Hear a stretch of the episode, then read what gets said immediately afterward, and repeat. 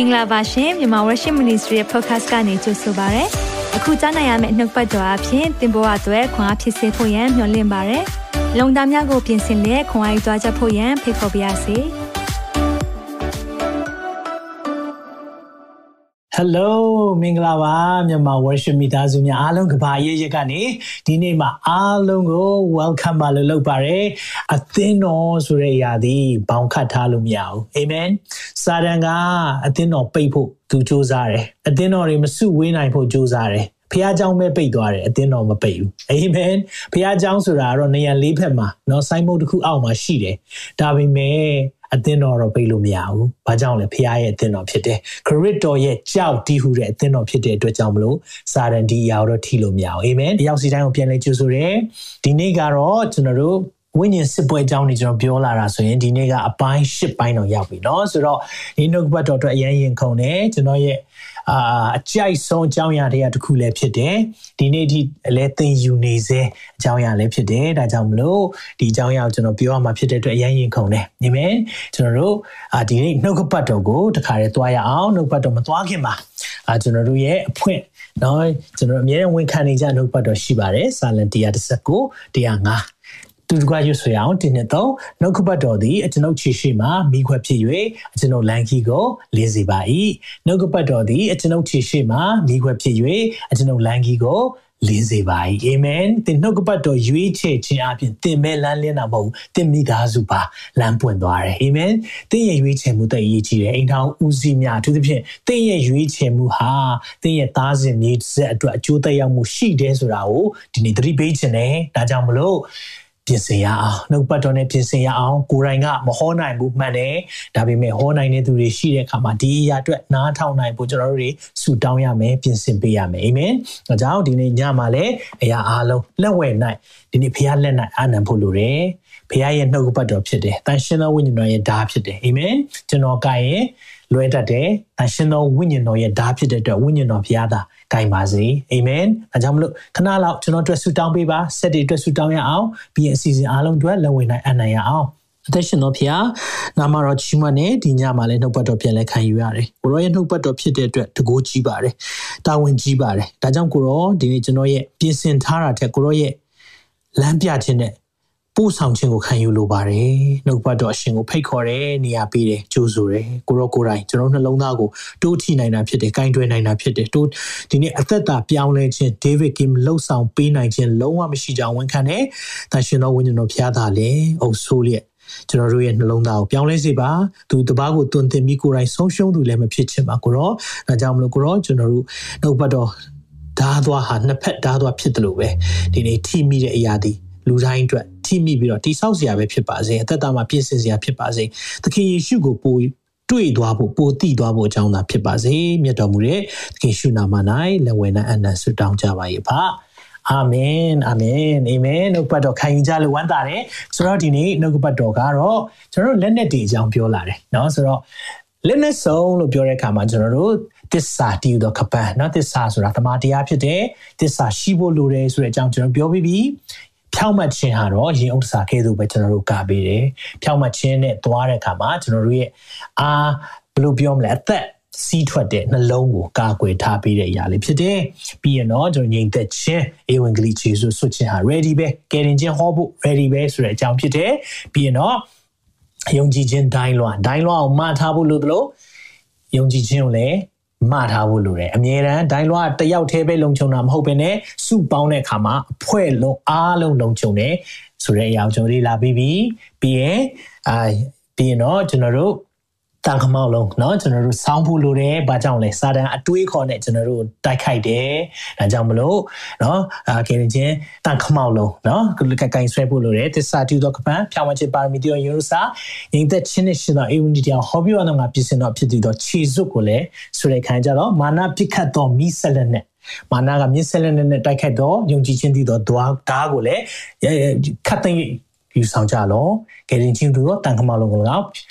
အဖျားသခင်နှုတ်ပတ်တော်တည်တော်ဝင်တော်ဤဒါ ခိုင်ဆွဲဖို့လိုတယ်အာမင်ကျွန်တော်ဒါတွေခိုင်ဆွဲဖို့လိုတယ်ဒါလေးကိုပြောပြချင်တယ်ဒါကြောင့်မလို့ဒီနေ့မှာဘုရားရဲ့ပါရှိခြင်းနဲ့လမ်းပြခြင်းလိုအပ်တယ်เนาะအဲကြောင့်ကျွန်တော်ဒါတွေကိုကျွန်တော်လေ့လာလာပြီးလေ့လာလာတဲ့အခါမှာဒီနေ့ဆက်လက်ပြီးတော့ဒီနေ့ညမှာလဲအထူးသဖြင့်ဘုရားရဲ့ပါရှိခြင်းနဲ့လမ်းပြခြင်းလိုအပ်တယ်အာမင်ဆိုတော့ဒီညမှာလက်နဲ့ဒီကျွန်တော်6မျိုးပြောသွားပြီးပြီเนาะလက်နဲ့ဒီ6မျိုးပြောသွားပြီးပြီဒါပေမဲ့ကျွန်တော်ကြံတာလေးတစ်ခုရှိတယ်ဘာလဲသိလားအဲ့ဒါက စိတ်နှလုံးပါလျက်ဆူတောင်းခြင်းအဲ့ဒီဆူတောင်းခြင်းကိုကျွန်တော်တို့ကလက်နဲ့အနေနဲ့ကျွန်တော်တို့မသိတာ။အဲကြောင့်မလို့ဒီနေ့ညမှာအထူးရေးကြည့်တယ်လက်နဲ့အနေနဲ့လည်းကျွန်တော်တို့တွေနားလည်ဖို့လိုတယ်အာမင်ဆိုတော့ကျွန်တော်တို့ကခုနတော့ကတော့လက်နဲ့တွေပေါ့နော်ဓာတ်ကင်ထားပြီးပြီဆိုတော့ဓာတ်နဲ့ကျွန်တော်တို့ကဝိညာဉ်တော်ရဲ့ဓာတ်နှုတ်ကပတ်တော်တည်ယူတော်ဝိညာဉ်တော်ရဲ့ဓာတ်ကင်ထားပြီးပြီမှန်တယ်ဒါပေမဲ့တစ်ချိန်တည်းမှာပဲဘာလို့သေးလဲ ကျွန်တော်တို့ရဲ့ဆူတောင်းခြင်းအဲ့ဒီဆူတောင်းခြင်းသိရေးကြည့်တယ်ကျွန်တော်ရဲ့အသက်တာမှာလည်းဆူတောင်းခြင်းနဲ့ပတ်သက်ပြီးတော့အများကြီးသင်ယူနေစေဖြစ်တယ်ဆိုတာကိုပြောပြချင်တယ်ဒါကြောင့်မလို့ယုံကြည်သူများဆူတောင်းခံချက်တင်ပြလာတဲ့အရာတွေမြင်တဲ့အခါမှာမှန်တယ်ယုံကြည်သူအချင်းချင်းပေါင်းပြီးတော့ဆူတောင်းတဲ့အရာသိကောင်းတယ်သိလိုအပ်တယ်တစ်ချိန်တည်းမှာပဲကျွန်တော်သိဖို့ဒီတချို့ဆူတောင်းချက်တွေကဆရာဆရာမတွေအတွက်ပဲမဟုတ်ဘူးเนาะတချို့ဆူတောင်းချက်ခံချက်တင်ပြလာတဲ့ဟာတွေကကိုယ်တိုင်ဆူတောင်းလို့ရတဲ့ဆူတောင်းချက်တွေလည်းဖြစ်နေတယ်ဒါပေမဲ့ အဲ့လိုဖြစ်ပြီးတော့တခါလေကိုဆုတောင်းရမယ့်အစားဆရာဆရာမတွေလက်တဲ့အပ်တာမျိုးမဖြစ်ပါစေနဲ့။ဘာကြောင့်လဲ။မန်နဲ့ကိုကိုယ်တိုင်လည်းအရန်ဆုတောင်းဖို့လိုတယ်။ကိုယ့်ရဲ့ဝိညာဉ်ရေးရတယ်ကိုမိသားစုဟာကိုကိုမှာဘုရားကတာဝန်ပေးထားတယ်ဆိုတာမမေ့ဖို့လိုတယ်။အာမင်။ဆိုတော့ဒါလေးတွေကိုကျွန်တော်တို့ကြည်လာတဲ့အခါမှာအခုချိန်မှာအာဝိညာဉ်စစ်ပွဲဆိုတဲ့အရာနဲ့ကျွန်တော်ပြောလာတယ်။အဲဒီမှာကျွန်တော်တို့ April 6အခန်းကြီး30ကနေ73မှာเนาะဒါလေးတွေကိုကျွန်တော်လေ့လာလာတယ်။ဆိုတော့မာနအပရိယေသိကျူရတယ်။ အသွေးသားရှိတဲ့ရန်သူမဟုတ်ဘူး။ ဒါကြောင့်ကျွန်တော်တို့စိုင်ပြိုင်တိုက်လန်ရတဲ့အရာတွေကအထွတ်မြတ်တွေဖြစ်တဲ့အာနာဇက်ဖြစ်တဲ့လောကီမောင်မိုင်းနိုင်အစိုးတရားပြုသောမင်းမိုးကောင်းခင်နိုင်နေတဲ့နတ်ဆိုးတွေဖြစ်တယ်။ဒါကြောင့်ကျွန်တော်တို့လက်နဲ့စုံဝစ်စင်ဖို့လိုတယ်။ဒါကြောင့်တစ္ဆာခပန်းတထားပြီးပြီလား။ဖြောင်းမချင်းရုံတစားပြီးရင်ငြိမ်သက်ခြင်းနဲ့ရှင်တဲ့ဧဝံဂေလိခြေစွပြီးရင်မာနပိခတ်တဲ့ယုံကြည်ခြင်းဒိုင်လွားကိုင်းနဲ့ပြီးရင်တော့ကဲတင်ခြင်းတန်ခမောက်လုံးစောင်းထားဖို့လိုတယ်။ကဲတင်ခြင်းတန်ခမောက်လုံးစောင်းပြီးရင်တော့နှုတ်ကပတ်တော်ဓာတ်ကင်ထားဖို့လိုတယ်ဆိုတော့အဲ့ဒါ6ခုပြီးသွားပြီဒါပေမဲ့ဒီနေ့ပြောမယ့်အကြောင်းကတော့ကာလအစဉ်စိတ်နှလုံးပါလျက်ဆူတောင်းခြင်းဆိုတဲ့အကြောင်းကိုပြောမယ်အာမင်ဆိုတော့ကျွန်တော်တို့ထုံးစံအတိုင်းဒီနေ့မှ new ဖြစ်တဲ့လူတွေအတွက်နည်းနည်းလောက်ပြန်လည်ပြီးတော့ပြောပြချင်တယ်ဝိညာဉ်စစ်ပွဲဟာအရေးသိကြီးတယ်ဘာကြောင့်အရေးကြီးတာလဲဘာကြောင့်လဲဆိုတော့ယောဟန်30 30မှာပြောတယ်တခိုးဟာခိုးဖို့တတ်ဖို့ဖြစ်စီဖို့လာတယ်ငါမူက သူတို့ကိုအသက်လွတ်ယုံမြတ်မကအထူးသဖြင့်အသက်နဲ့ပြည့်စုံဖို့လာတယ်။သခင်ယေရှုကတော့အသက်လွတ်ပေးဖို့နော်အသက်ပေးဖို့နဲ့အသက်နဲ့ပြည့်စုံဖို့လာပြီမဲ့တခိုးကတော့ခိုးမယ်တတ်မယ်ဖြစ်စီမယ်။အဲကြောင့်မိတ်ဆွေအမြဲပြင်ဆင်ဖို့လိုတယ်။ပြီးရင်တစ်ပင်ငားထဲမှာဗာပြောလဲဆိုရင်တော့ဟောက်သောခြင်သေးကဲ့သို့အဘယ်သူကိုဝါမြူရမလဲဆိုတာကိုတဲ့။ ကြည့်နေတယ်။ဒါကြောင့်တမာတိရှိဖို့နဲ့မာနကိုစီးတားဖို့လိုတယ်ဆိုတာကိုတမာကျမ်းစာသွန်သင်တယ်။ဒုနည်းတူပဲအေဘက်6ထဲမှာကြည့်တဲ့အခါမှာအသွေးသားရှိတဲ့ရန်သူမဟုတ်တဲ့အခါမှာပိုကြောက်ဖို့သိကောင်းတယ်။ဘာကြောင့်လဲအသွေးသားမရှိတော့ဘယ်ချိန်မှာဘယ်လိုလာမလဲဆိုတာလုံးဝမသိနိုင်ဘူး။အဲကြောင့်ခုနလည်းဆရာမပြောသလိုပဲကိုရိုနာဗိုင်းရပ်စ်နော် COVID-19 ဆိုတော့နော်အာကြည့်တဲ့အခါမှာဘယ်အချိန်မှာဘယ်လိုကူးသွားမှန်းကိုမသိဘူးတချို့ကတစ်ခါလေဆိုရင်ဟို symptom ဆိုရဲကျွန်တော်တို့ ဟိုပြတဲ့ sign လေးတွေရှိတာဗောနော်ဟိုချောင်းဆိုးတာလားနော်လေချောင်းနာတာလားအမမအဖျားပူချိန်တက်တာလားအဲ့ဒါတွေလည်းမရှိဘူးနော်တချို့မရှိတဲ့လူတွေရှိနေတယ်ဆိုတော့ပြောချင်တာကူးလို့ကူးမှန်းတော့မသိဘူးဘယ်သူရှိထားမှန်းလည်းမသိဘူးအဲကြောင့်ကျွန်တော်တို့ကကူးမှဆိုလို့ရန်အတွက်ဘာလုပ်လဲလက်အိတ်လက်တွေဆေးကြတယ်တချို့ဆိုလက်အိတ်တွေဝစ်ကြတယ်เนาะမျက်နာကာတဲ့အရာတွေမှာစရွေအမျိုးမျိုးကျွန်တော်တို့တွေရှိတယ်ဒါတွေကို တွေ့တဲ့အခါမှာကျွန်တော်ဘယ်လောက်ထိကိုရိုနာထက်ကြောက်ဖို့ကောင်းတဲ့အာဝိညာဉ်ဇိုနတ်ဆိုးတွေနဲ့ရင်ဆိုင်နေရလဲ။နော်ဆရာကြီးတယောက်ကပြောပူတယ်။ဒါဆိုရင်ဘသူတွေလဲကျွန်တော်ရန်သူဟာအဲ့လိုပြောတဲ့အခါမှာ evil spirit တွေ evil spirit ဆိုတာမကောင်းဆိုးဝါဝိညာဉ်ဆိုးတွေဘာနဲ့တူလဲဆိုတော့ a person without body ကိုယ်ခန္ဓာမရှိတဲ့ပုဂ္ဂိုလ်တဲ့ကိုယ်ခန္ဓာမရှိတဲ့ပုဂ္ဂိုလ်ဆိုဘယ်လောက်ကြောက်ဖို့ကကိုပြောက်ဖြစ်နေတာ။ နော်ဒါကြောင့်ကျွန်တော်တို့တွေဟာလက်နဲ့စုံနေအမြဲတက်ဆင်ထားဖို့လိုတယ်ဆိုတာကိုပြောပြချင်တယ်နော်ဒါပေမဲ့စစ်ပွဲပြီးပြီမယ်တိုက်ပွဲကမပြီးသေးဘူးကာရာနီမှာစစ်ပွဲပြီးသွားပြီရန်သူကိုအောင်နိုင်ပြီးသွားပြီမှန်တယ်နော်ဒါပေမဲ့ပေါ့ဖို့မဟုတ်ဘူးအဲ comment တစ်ခုတွေ့လိုက်တယ်စာတန်များကြောက်စရာမလိုပါဘူးတဲ့လေးစားစရာမလိုဘူးတဲ့ချီးမွမ်းလိုက်ပျောက်သွားမယ်တဲ့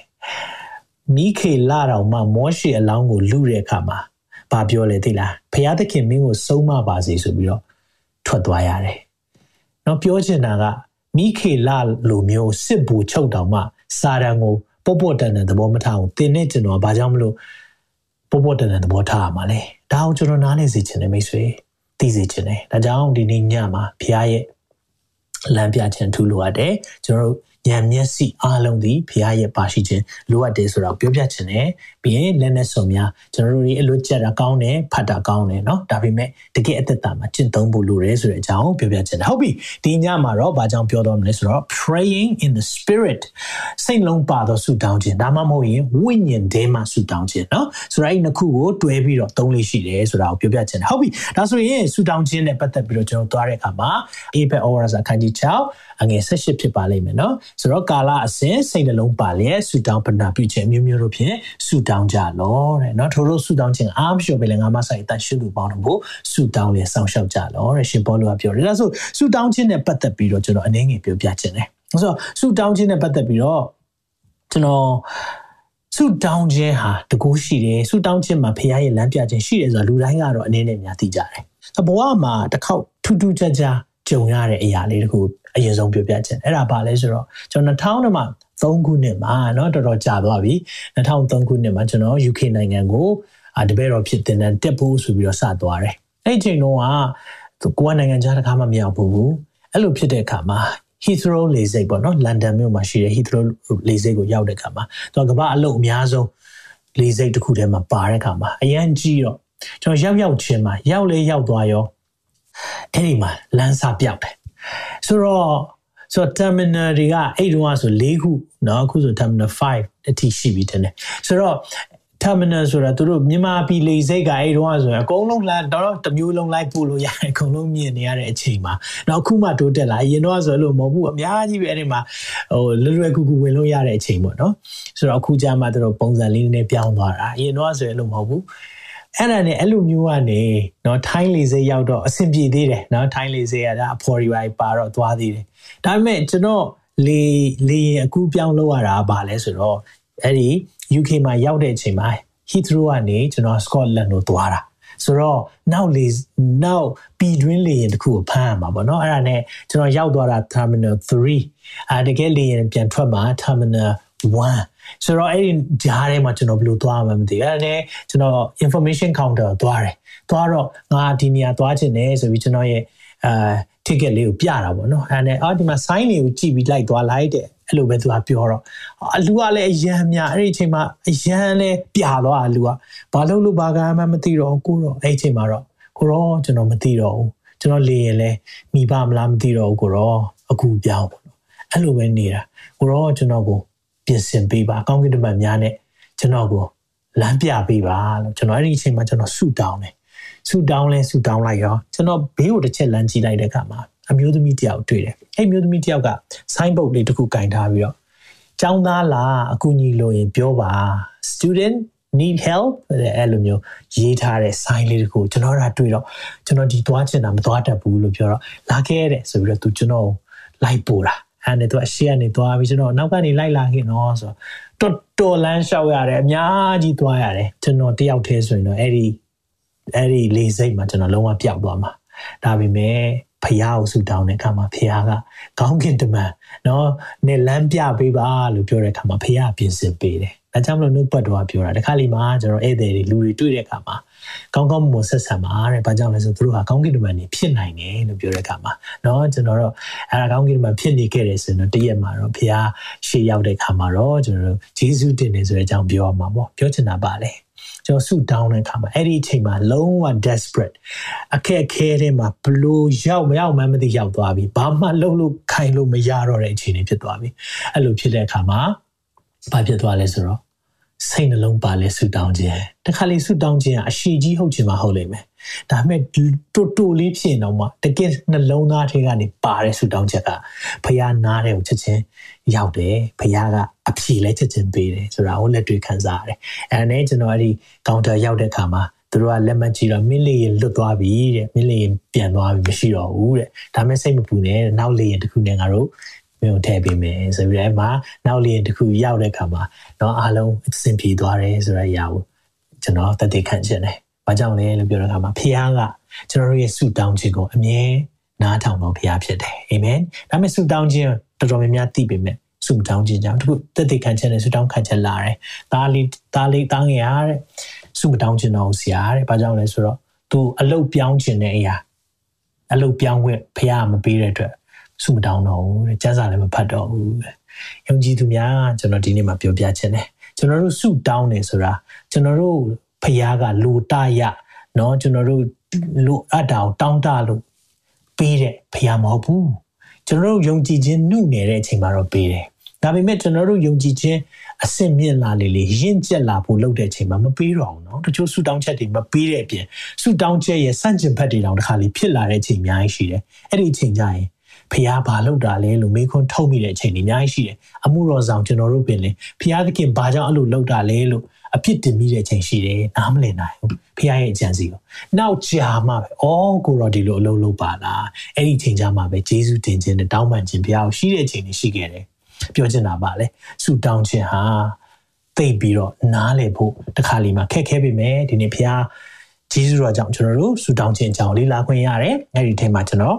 ဆူတောင်းခြင်းနဲ့ပတ်သက်ပြီးတော့เนาะအခြေခံလေးပေါ့เนาะကျွန်တော်အာကျွန်တော်အသက်တာကိုတကယ်ပြောင်းလဲစေတဲ့အချက်လေးကျွန်တော်သုံးချက်ကိုအရင်ဆုံးပြောပြခြင်းနဲ့ပြီးရင်တော့စိတ်လုံးပါလျက်ဆူတောင်းခြင်းကြောင်းကျွန်တော်သွားမှာဖြစ်တယ်ဆိုတော့အဲ့ဒီမှာကျွန်တော်နံပါတ်1ကပါလဲဆိုတော့ဆူတောင်းခြင်းဒီဖျားသခင်နဲ့စကားပြောခြင်းဖြစ်တယ်အဲ့ဒါကိုအရင်ဆုံးနားလည်လိုက်เนาะဆူတောင်းနေဆိုတာဖျားနဲ့စကားပြောတာဖျားနဲ့စကားပြောတယ်လို့သိလိုက်ရင်လေကျွန်တော်အသက်တာကမတူတော့ဘူး။ ဘာကြောင့်လဲလို့ပြောတဲ့အခါမှာကျွန်တော်တို့ကလူတစ်ယောက်ကိုစကားပြောတယ်လို့ပြောရင်ပို့ပြီးတော့ဟိုလွယ်ကူတယ်လို့မျိုးခံစားရတယ်။ဒါပေမဲ့ဖះရှိမှဆုတောင်းအောင်မယ်ဆိုဟာပြင်းလိုက်တာဘာလို့မလဲငါတယောက်တည်းဘာလို့လဲဆိုဖះနဲ့စကားပြောတယ်ဆိုတာ conversation conversation with God လို့ပြောတဲ့အခါမှာ dialogue တယောက်တည်းပြောတာမဟုတ်ဘူးနှစ်ယောက်ပြောနေတာ။ဒါကြောင့်မလို့ ဆူတောင်းတဲ့သူတွေအစင်မြင့်လာပြီဆူတောင်းခြင်းမှာပို့ပို့ပြီးနားရလာပြီဆိုရင်ဆူတောင်းခြင်းကတကယ်တော့90ရာခိုင်နှုန်းပဲပြန်လဲနားထောင်ခြင်းနောက်ဖျားစီကအတန်ကြားခြင်း90ရာခိုင်နှုန်းဖြစ်သွားတာအဲကြောင့်တကယ်ဆူတောင်းခြင်းမှာကဘာကိုကင်လှုပ်ခဲ့တဲ့ဆူတောင်းတဲ့သူတွေရဲ့သင်ကြားချက်တွေဆိုရင်ဆူတောင်းခြင်းမှာအမြဲတမ်းဖျားရဲ့ပြန်ပြန်ပြောတဲ့စကားသံကို ကြားနိုင်ဖို့ရန်ဒီတောင်းဖို့လိုတယ်လို့ပြောတယ်။အဲကြောင့် conversation เนาะဒီအဆင့်ရောက်ဖို့ဒီကျွန်တော်တို့စဖို့လိုတယ်เนาะစတာနဲ့ပထမတစ်ရက်တောင်းတာနဲ့ဟေးကိုရိုပါပြန်ပြောလည်းမသိဘူးစားလား။သွားပြီးတော့ဟာငှက်ကလေးတွေအတန်ကြားတယ်။မဟုတ်အဲ့လိုမရအောင်။တဖြည်းဖြည်းနဲ့ကျွန်တော်တို့သွားဖို့လိုတယ်။ဒါကြောင့်မလို့ ကျွန်တော်ဆူတောင်းခြင်းဟာဖះနဲ့စကားပြောတယ်ဆိုတာကိုသိဖို့လိုတယ်နှုတ်ပတ်တော်နဲ့ကြည်အောင်ကိုလိုတဲ့လေးအငယ်တစ်ကနေနှစ်မှာဘယ်လိုပြောလဲဆိုတော့သခင်တို့တင်းတို့ဤသခင်သည်เนาะဒါမာစတာကိုပြောတာเนาะဆိုတော့သခင်တို့တင်းတို့တင်းတို့ဤသခင်သည်ကောင်းကင်ဘုံ၌ရှိတော်မူသည်ကိုသိမှတ်၍ဖြောင့်မတ်ခြင်းတရားမျှတခြင်းတရားနဲ့ညီကိုကျွန်တို့ကိုပြုကြလောဆုတောင်းပတနာပြုခြင်း အမှုကိုအမြဲပြု၍ကျေးဇူးတော်ကိုချီးမွမ်းလျက်ဆောင်ရှောက်ကြလောတဲ့ဆုတောင်းခြင်းပတနာအမြဲပြုဖို့လိုတယ်လို့ပြောတဲ့အခါမှာကျွန်တော်တို့သခင်သင်ပေးတဲ့ဆုတောင်းချက်ကဘာလဲပတနာတော်เนาะဆိုတော့ကောင်းကင်ဘုံ၌ရှိတော်မူသောကျွန်တော်တို့၏အဖာဖះကိုကျွန်တော်တို့အဖေတယောက်အနေနဲ့စကားပြောခွင့်ရတယ်။ဒါဆိုအဖေကိုစကားပြောတဲ့အခါမှာကျွန်တော်တို့ဘယ်လိုစကားပြောလဲ။ဟာအဖေနဲ့စကားမပြောချင်ဘူးအဲ့လိုလား။ဒါမှမဟုတ်အဖေကိုအဖေစီမှာစကားပြောပြီးဟေးဆိုကျွန်တော်တို့က အားကိုးတာကျွန်တော်တို့ကလိုအပ်တဲ့အရာတွေကိုနော်တင်ပြခြင်းလားနော်အဖေတယောက်ဆိုတာကာကွယ်ခြင်း protection ရခြင်းလားဒါမျိုးတွေအချိန်ကြရင်ကျွန်တော်တို့အဖေနဲ့စကားပြောလို့ရှိတယ်ဟုတ်တယ်နော်ဆိုတော့အဖေအဖေကိုတော့တခါလေကျွန်တော်တို့ကျွန်တော်အဖေကြတော့အရာရှိတယောက်ဖြစ်တဲ့အခါမှာကျွန်တော်တို့သိချွဲလို့မရအောင်နော်ဆိုတော့ဒါပေမဲ့အဖေစီ သွားပြီဆိုရင်ကျွန်တော်တို့တစ်ခါလေးသိချာတိတိကျကျပြောရတယ်ဖေကျွန်တော်ဒီအတွက်ဒါလုပ်ချင်တယ်အဲ့လိုမျိုးပြောရင်ဖေကအမြဲတမ်းပြင်ဆင်ပေးတယ်ဒါပေမဲ့အဖေဟိုဟာလိုချင်တဲ့တရားဆိုအလိုတော့လုံးဝမလာဘူးအဲ့ဒါကိုကြည့်တဲ့အခါမှာဩကျွန်တော်ဖေကိုချင်းကတ်တဲ့အခါမှာအဖေတယောက်အနေနဲ့ချင်းကပ်လို့ရတယ်။ဒါပေမဲ့တစ်ချိန်တည်းမှာပဲလေးစားခြင်းရယ်တစ်ချိန်တည်းမှာပဲကိုယ့်ရဲ့လိုအပ်တဲ့အရာကိုတိတိကျကျတောင်းခံဖို့လိုတယ်ဆိုတာကိုနားလည်စေချင်တယ်နော်။အကြောင်းကောင်းကင်ဘုံတိုင်းရှိတော်မူသောကျွန်တော်ရဲ့အဖာ နော်ကောင်းကင်ဘုံကအဖာလို့ပြောလိုက်တိုင်းနားလဲပါတင်းနဲ့ကျွန်တော်အတွက်အဖာရှိတယ်ဒါကိုနားလဲစေချင်တယ်နော်ဒါပေမဲ့တချို့ကပထနာတော်လက်မခံတဲ့အဖွဲ့တွေရှိတယ်ဒါတွေကဂျူးတွေကတောင်းမယ်ဂျူးတွေကဘယ်တော့မှကအဖေဖျားကိုအဖေမခေါ်ဘူးအဲ့ဒါကိုသိစေချင်တယ်ဖျားကိုအဖေခေါ်လို့မရအောင်သူတို့အနေနဲ့မကြောင်လဲလို့ပြောတဲ့ခါမှာသူတို့အနေနဲ့လောအောက်မှာရှိတဲ့ခါမှာဖျားနဲ့ဖျားနဲ့သူတို့ကြားထဲမှာကောင်းကင်အဖအနေနဲ့ အဖေအနေနဲ့လုံးဝသူတို့မမြင်နိုင်ဘူးဖះဟာသိနေမြတ်တယ်ဖះနာမတော်မှာသူတို့က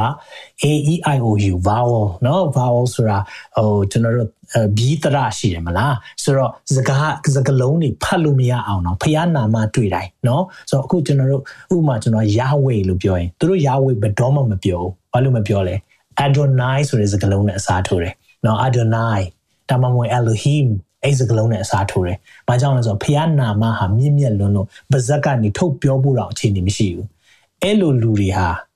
ဘာကြောင့်မလို့အဖလို့ပြောမှလဲ။ဒါကြောင့်ယုံကြည်သူတွေအတွက်တောင်းဖို့ကျွန်တော်တို့သခင်အသင်ပေးတာ။ဘယ်တော့မှဂျူးတွေကအဖလို့မခေါ်ဘူး။နော်ဆိုတော့အဲ့ဒါကိုနားလဲစေချင်တယ်။အပြင်ကျွန်တော်တို့အများကြီးရှိပါတယ်နော်။ဆိုတော့ဟိုဒီຢာတွေကအပြစ်လွတ်ဖို့ ကိစ္စတွေပါလာတဲ့အခါမှာငါတို့ဘုရားအဖြစ်လွတ်ပြီးပြီစသဖြင့်เนาะဒီအကြောင်းတော့ကျွန်တော်ဒီနေ့မှမပြောတော့ဘူးနောက်ပိုင်းမှာအချိန်ရတယ်ဆိုရင်ပထနာတော်အကြောင်းတသက် ပြန်ပြီးတော့သင်ပေးခြင်းတယ်နော်ဆိုတော့ဟုတ်ပြီစတရာကြည့်တဲ့အခါမှာဒုတိယချက်ကိုကျွန်တော်ပြပြခြင်းတယ်အဲ့ဒါဒုတိယချက်ကတော့ပါလဲဆိုတော့ဆုတောင်းခြင်းဟာပထမဆုံးတုံ့ပြန်ရမယ့်အရာဖြစ်တယ်နော်ဆိုတော့ပထမဦးဆုံးတုံ့ပြန်ရမယ့်ဟာလို့ပြောတဲ့အခါမှာကျွန်တော်တို့ဆုတောင်းခြင်းနဲ့ပတ်သက်ပြီးတော့ကျွန်တော်ဆုတောင်းကြတယ်တခုခုလိုအပ်ပြီဆိုရင်ကိုရောကဲပါမဆပါလမ်းပြပါဆုတောင်းတယ်နော်ဒါပေမဲ့ကျွန်တော်တို့တကယ်တမ်းဘာရင်လုပ်လဲဘာရင်လုပ်လဲသိလားချုပ်ဘာရင်လုပ်လဲဆိုရင်အုံနောက်နဲ့စပြီးဖြည့်ရှင်တာစပြီးဖြည့်ရှင်တာ အုံနောက်နဲ့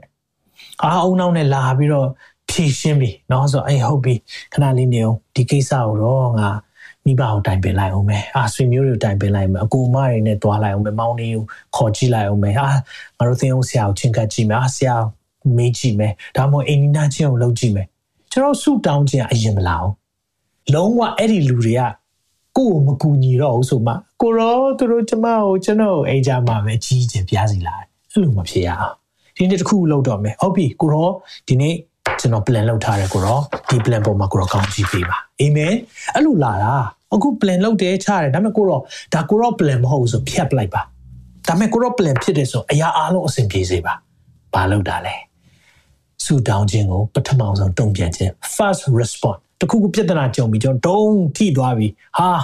နော်မထင်ထားတဲ့အရာတွေဖြစ်သွားပြီဘာအရင်ဆုံးလုပ်လဲဘယ်လိုဖြေရှင်းရမကောင်းမလဲအရင်လုပ်တယ် ကျွန်တော်တို့ဖះကိုအရင်ဆုံးမတိုင်ပင်ဘူးအဲ့ဒီမှာယုံကြည်သူများကြာဆုံးတယ်မကြဆုံးတဲ့မဲ့ကြဆုံးတာတခြားကြောင့်မဟုတ်ဘူးစာတန်ကလည်းလိန်ထားတယ်ဆုမတောင်းနဲ့အလကားဖះဖြေဖြေပေးမှမဟုတ်ဘူးเนาะဒါနဲ့ပဲကျွန်တော်ဆုမတောင်းတဲ့သူတွေအများကြီးရှိတယ်ဆုမတောင်းတော့ဒီနေ့ဆုမတောင်းလာလေလေ conversation ဖះနဲ့စကားပြောချင်းဝေးလာရင်စိမ့်သွားတယ်တဖြည်းဖြည်းနဲ့နောက်ဆိုရင်မပြောချင်တော့အဲ့လိုမဖြစ်ရအောင်ဒီနေ့အကြာကြီးပြောစရာမလိုပါဘူး နော်ပြောနိုင်တော့ကောင်းတယ်ဒါပေမဲ့တစ်ခါလေကြာရင်ကိုစိတ်နှလုံးပါလဲဆူတောင်းနေတာ short to the point လဲဖြစ်ကောင်းဖြစ်လိမ့်မယ်ဒါပေမဲ့ဖခင်ကအဲ့ဒီအရာတွေနားညောင်းတယ်ဆိုတာကိုသိစေချင်တယ်ဒီနေ့ဘာပြောလဲဆိုတော့နှုတ်ပတ်တော်နဲ့ကြည့်တဲ့အခါမှာတစ်သက်5 16နဲ့18မှာအစင်မပြတ်ဝမ်းမြောက်ခြင်းရှိကြလောမချားမလတ်ဆူတောင်းပတနာပြုကြလားဆရာကြီးဥဒနာတော့မချားမလတ်လို့ဘာသာပြန်ထားတယ်ဒါပေမဲ့အင်္ဂလိပ်ကျမ်းစာမှာ praying without ceasing cease cease ဆိုတာရပ်သွားတာ သင်ဆူတောင်းခြင်းမရက်ပါစေနဲ့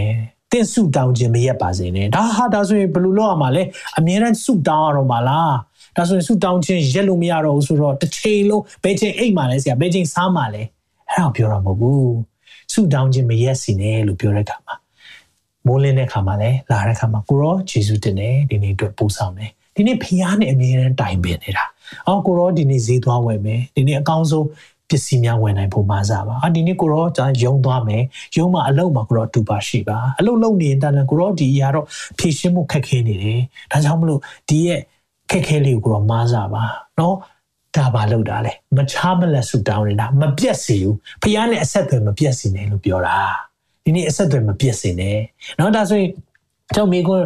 န်းဥပမာပေးရမယ်ဆိုရင်တော့เนาะဒီလိုရှိတာပေါ့เนาะဆိုတော့အေးအတငယ်ချင်းဒီတရားအောင်အောင်နဲ့ရောဘယ်လိုလဲအေးအောင်နဲ့အဆက်အသွယ်ရှိပါတယ်သူနဲ့တော့မပြတ်ဘူးအများအားရှိနေတယ်ဒါပေမဲ့အဲ့လိုပြောလို့တစ်ချိန်လုံးဖုန်းပြောနေရလားမဟုတ်ဘူးဒါပေမဲ့သူနဲ့ကျွန်တော်တို့ကြားထဲမှာရံပန်ခံရခါเนาะရံပန်ရံခါလို့ပြောတဲ့အခါမှာ maybe အာမောင်နှမတွေနဲ့ဘယ်လိုလဲ နော်စသဖြင့်ပေါ့နော်အဲ့လိုပြောတဲ့အခါမှာကျွန်တော်တို့ကြားထဲမှာအဆက်အသွယ်မပြတ်ခြင်းကိုပြောတာဖြစ်တယ်နော်စာရေးရေးမယ်ဒါမှမဟုတ် text ပို့ရင်ပို့မယ်ဒါမှမဟုတ် voice mail ပို့ရင်ပို့မယ်နော်ဒါမှမဟုတ်အမျိုးမျိုးပေါ့နော်ကျွန်တော်တို့ကြားထဲမှာ communication မပြတ်စေနဲ့လို့ဘုရားပြောချင်တာဖြစ်တယ်ဒါကြောင့်ဒီနေ့ဖះနဲ့ကျွန်တော်ကြားထဲမှာရှိတဲ့ communication ပြတ်လို့မရအောင်ဆိုတာကိုပြောပြချင်တယ်တော့နံပါတ်3ချက်တကယ်ယုံလားဆူတောင်းခြင်းတကယ်ယုံရင်တကယ်တောင်းတယ် ပြန်ပြောမယ်နော်ဆုတောင်းခြင်းကိုတကယ်ယုံလားတကယ်ယုံတော်သူတကယ်ဆုတောင်းတယ်ဒီမှာကြည့်အောင်ဆုတောင်းခြင်းကိုအမှန်တကယ်ယုံကြည်တော်သူဒီလက်တွေ့တင်လည်းအမှန်တကယ်ဆုတောင်းတယ်တကယ်ယုံပြီဆိုရင်တကယ်ဆုတောင်းတယ်ဒီနေ့နှုတ်ပတ်တော်နဲ့ပြောပြခြင်းတယ်ရှင်လုကာ18တရားအကြောင်းအရာဖြစ်တဲ့ဖတ်ကြည့်အောင်လူတို့ဒီအာမရော့ပဲစူးစမ်း၍ဆုတောင်းရမည်အကြောင်းကိုဥပမာစကားအဖြစ်မိန့်တော်မူသည်ကမြို့တစ်မြို့၌ဖျားသခင်ကိုမကြောက်ရွံ့လူကိုအာမနာတတ်သောတရားသူကြီးတယောက်ရှိ ထိုမြို့၌နေသောမုဆုမတယောက်သည်တရားသူကြီးထံသွား၍ကျမယံဘက်ကိုလက်စားချေလောက်အောင်အပြစ်အလျောက်စီရင်ပါဟုတောင်းပန်တော်လဲတရားမစီရင်ဘက်ကကြာမြင့်စွာနေ၏ထို့နောက်တရားသူကြီးကငါသည်ဖျားသခင်ကိုမကြောက်ရွံ့လူကိုအာမနာတတ်သောသူဖြစ်တော်လဲ ဤမုတ်ဆုမသည်ငါ့ကိုနှောက်ရှစ်သောကြောင့်သူ့ဖက်၌တရားစီရင်မည်သို့မဟုတ်အစဉ်လာ၍ငါ့ကိုပင်ပန်းစေလိမ့်မည်ဟုစိတ်ထဲ၌ကြံရှိ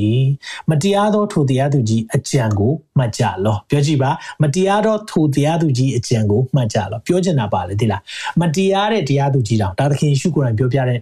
ပုံဥပမာဖြစ်တယ်နော်မတရားတဲ့တရားသူကြီးတောင်မှာသူ့စီမှာတောင်းနေတယ်ဆိုရင်တဲ့နောက်ဆုံးတင့်ဖက်ကနေစီရင်ပေးတယ် ဒီမျိုးသမီးဘက်ကနေစီရင်ပေးတယ်ဒါဆိုရင်အငယ်ခုနှစ်မှာဘုရားသခင်ရွေးကောက်တော်မူသောသူတို့သည်နေညမပြတ်အော်ဟစ်၍ဘုရားသခင်ရွေးကောက်တဲ့သူတွေဟာတဲ့နေညမပြတ်အော်ဟစ်၍တောင်းလျှောက်လင်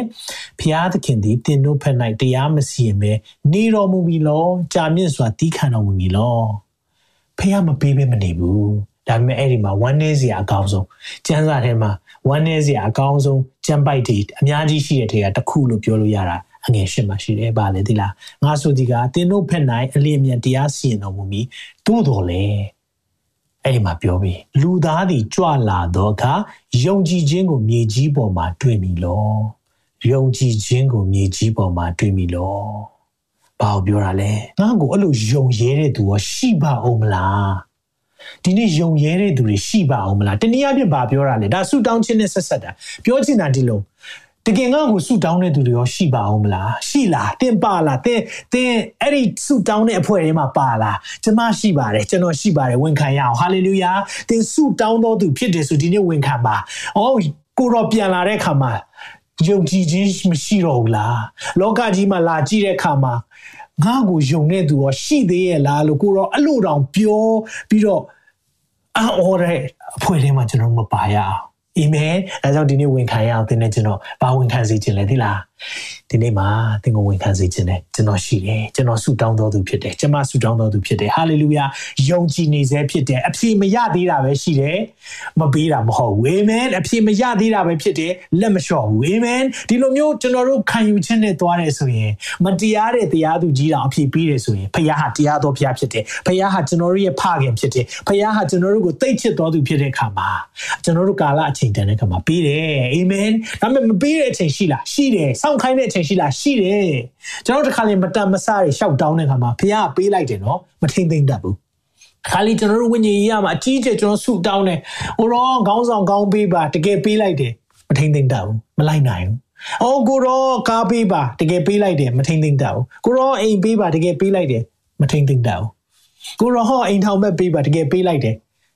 စင်မပြေဘူးအဲ့လိုဖြစ်တတ်တယ်။ဘာကြောင့်လဲ။ ကျွန်တော်တို့ရဲ့ယဉ်ကျေးခြင်းရှိဖို့ဘုရားကျွန်တော်တို့သွန်သင်တဲ့အချိန်အများကြီးရှိတယ်။ဒါကြောင့်မလို့ဒီနေ့မှာတော့ဒီနှုတ်ပတ်တော်ကြည့်တဲ့အခါမှာ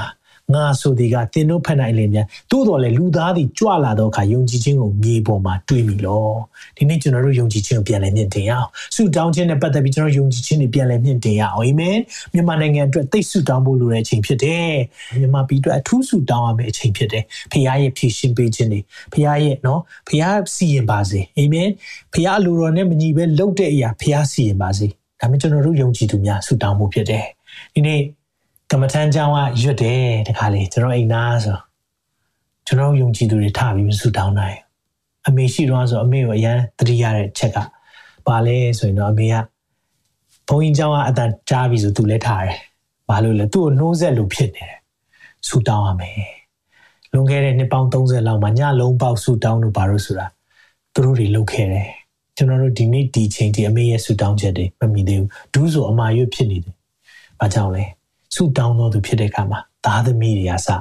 ပတ်ဝန်းကျင်မှာကောင်းကြီးဖြစ်တယ်ဟာလေလုယာအဲ့ဒီယုံကြည်ခြင်းတွေ့လားဆုတောင်းခြင်းနဲ့ယုံကြည်ခြင်းကိုလည်းဘုရားဒီမှာဆက်ထားတယ်ဆုတောင်းခြင်းအကြောင်းပြောရင်းနဲ့ယုံကြည်ခြင်းရောရှိကြအောင်မလားဒီဒီနေ့ကျွန်တော်ယုံကြည်တယ်ဒီမှာရှိတဲ့သူတွေယုံကြည်ခြင်းနဲ့ပတ်သက်ပြီးတော့ဒီနေ့တွဲနေတယ်တကယ်ယုံလားတကယ်ဆုတောင်းပါဟာလေလုယာတကယ်ယုံတော်သူတကယ်အမှန်တကယ်ဆုတောင်းတယ်အာမင်ပြောကြည့်ပါတကယ်ယုံတော်သူတကယ်ဆုတောင်းတယ်အာမင် ဒါမဲ့တခုတော့ရှိတယ်ဆုတောင်းခြင်းတိုင်းမှာတကူရှိတာမဟုတ်ဘူးเนาะပြန်ပြောမတော့ဆုတောင်းတာကောင်းတယ်ဆုတောင်းခြင်းတိုင်းမှာတော့တကူရှိတာမဟုတ်ဘာကြောင့်လဲယုံကြည်သူတွေပဲမဟုတ်ဘူးဘာသာတိုင်းဆုတောင်းတယ်ဘာသာတိုင်းကဆုတောင်းတယ်ဒါပေမဲ့ဘယ်မှာတကူရှိတာလဲသခင်ယေရှုခရစ်တော်ရဲ့နာမမှာတကူရှိတာ ဟာလေလုယာသခင်ယေရှုခရစ်တော်ရဲ့နာမမှာတကူရှိတာဖြစ်တဲ့အတွက်ကြောင့်မလို့ကောင်းကင်အဖကအဖြေပေးတာဖြစ်တယ်ဒါကြောင့်မလို့ဆုတောင်းတာမှန်တယ်ဒါဆိုရင်အားလုံးကအော်ငါဆုတောင်းတာကောင်းတယ်ဒါပေမဲ့တင်ဘု து နာမနဲ့တောင်းနေတာလဲဘု து စီတောင်းနေတာလဲအဲ့ဒါပိုရေးကြည့်တယ်အဲကြောင့်ဆုတောင်းခြင်းကိုသင်တဲ့အခါမှာသင်တောင်းရမယ့်သူကဘယ်သူလဲသိလား အဖခမဲတော်ထံမှာဆုတောင်းအောင်ပါဖြစ်တယ်။ဘု து နာမနဲ့တောင်းအောင်မလဲ။သားတော်သခင်ယေရှုနာမနဲ့ဆုတောင်းအောင်ပါဖြစ်တယ်။ဘသူကမဆာပေးမလဲ။တန်ရှင်တော်ဝိညာဉ်တော်မဆာပေးတယ်။ဟာလေလုယာ။ပြန်ပြောမယ်နော်။ဆုတောင်းခြင်းဟာတကူရှိတာမှန်တယ်။ဒါပေမဲ့ကျွန်တော်ဆုတောင်းခြင်းထဲမှာလည်းစနစ်ကြဖို့နဲ့ကျွန်တော်တို့ဆုတောင်းခြင်းသည်မှန်ကန်စွာဆုတောင်းတတ်ဖို့လိုတယ်။ဘသူစီတောင်းရမလဲ။ပြန်ပြောမယ်။ဘသူစီတောင်းရမလဲ။အဖခမဲတော်စီတောင်းရမယ်။ဘသူနာမနဲ့တောင်းရမလဲ။ သားတော်သခင်ယေရှုနာမ၌တောင်းရမယ်ဘသူကကူညီပြီးတော့အပြည့်ပေးမလဲတန်ရှင်သောဝိညာဉ်တော်ဖျားဆောင်ပါမယ်ဟာလေလုယာဒါသည်စိတ်လုံးပါသောဆုတောင်းခြင်းဒါသည်စစ်မှန်သောဆုတောင်းခြင်းဒါသည်မှန်ကန်သောရလဒ်ဖြစ်တယ်ဆိုတာကိုဒီနေ့ပြောပြခြင်းတယ်ဟာလေလုယာဒါကြောင့်ဆူတောင်းခြင်းနဲ့ပတ်သက်ပြီးတော့ဆူတောင်းခြင်းသည်လက်နက်တစ်မျိုးဖြစ်တယ်ဆိုတာကိုဒီနေ့ပြန်ပြောပြခြင်းတယ်ပြီးရင် ဖယားထံတော်မှာဆူတောင်းခြင်းကတာလေစင်မန်သောဆူတောင်းခြင်းဆိုတာပြောပြခြင်းနဲ့နောက်ပြီးရင်ဖယားသခင်နဲ့စကားပြောခြင်းဖြစ်တယ်ပြီးရင်မချားမလတ်ဆူတောင်းတယ်လို့ပြောတဲ့အခါမှာကျွန်တော်တို့ရဲ့ဖြည့်ရှင်းတဲ့အရာမှန်သမျှဒီပထမဦးဆုံးဒီနေ့ပြဿနာတစ်ခုကြုံလာပြီးချက်ချင်းငြိမ်လိုက်ကိုရောဘာလို့ရှိလဲကိုရောချက်ချင်းဆူတောင်းကြည့်လိုက်အဲ့ဒါဆိုဖယားကဘယ်လောက်နှစ်သက်မယ်ထင်လဲ ကျွန်တော်ဒါဒီအော်ဖြည့်ရှင်းမယ်တယောက်တယောက်စူဟောက်မယ်နင်းကြောင်ဖြစ်တာငါကြောင်ဖြစ်တာအပြစ်တင်ပြီးမှနောက်ဆုံးကြတော့စကားများပြီးနောက်ဆုံးကြမှာအေးဘယ်လိုပဲဖြစ်ဖြစ်ငါတို့ပြန်ဆူတောင်းရအောင်လေအဲ့လိုမဟုတ်ဘူးစဖြစ်တာနဲ့ကိုရောဘာကြောင့်ဒီလိုဖြစ်သွားလဲဖះရှိမှနှစ်ယောက်ကျွန်တော်လင်မြန်းနှစ်ယောက်ဒီအကြောင်းအရာကိုစပြီးကျင့်သုံးနေတယ်တခုခုဖြစ်လာပြီတခုကြုံလာပြီဆိုရင်လက်တွေ့တူးထောက်ပြီးတော့ကိုရောကျွန်တော်နားမလဲဘူးကိုရောဖြည့်ရှင်းပေးပါဒီအရာနဲ့ကျွန်တော်စသွားတဲ့အခါမှာဖះနားလေရတဲ့အခွင့်နဲ့ ညီသက်ခြင်းဒီမှာရောက်လာတယ်အာမင်ဒါကိုပြောပြခြင်းနဲ့အကြောင်းဒီနေ့စိတ်နှလုံးပါသောဆုတောင်းခြင်းဆိုတာဘာလဲဆိုတဲ့အပိုင်းနဲ့ကျွန်တော်ဆက်ပြီးပြောပြခြင်းတယ်ဟုတ်ပြီနော်ဆိုတော့ခုနကျွန်တော်ဆုတောင်းခြင်းအကြောင်းနားထောင်ပြီးပြီးနားလည်မယ်လို့လည်းယုံကြည်တယ်ငငယ်ကလေးကလည်းဒီအကြောင်းအရာတွေသိထားပြီးသားတွေဖြစ်ဖြစ်ပါလိမ့်မယ်နော်ဒါမဲ့ဒီနေ့မှာပို့ပြီးနားလည်သွားဖို့ဝိညာဉ်တော်ဘုရားသင်ကိုလမ်းပြပါစေစိတ်နှလုံးပါတဲ့ဆုတောင်းခြင်းဆိုတာဘာလဲနော်ဆိုတော့ praying in the spirit လို့အင်္ဂလိပ်ကျမ်းစာမှာသုံးတယ် praying in the spirit စိတ်နှလုံးပါတဲ့ဆုတောင်းချက်ကပါလဲကျွန်တော်အချက်၃ချက်ပြောပြခြင်းနဲ့နံပါတ်၁အချက်ကပါလဲအစာရှောင်ဆုတောင်းတာအစာရှောင်ဆုတောင်းခြင်းသည်စိတ်နှလုံးပါသောဆုတောင်းခြင်းဖြစ်တယ်။ဘာကြောင့်လဲ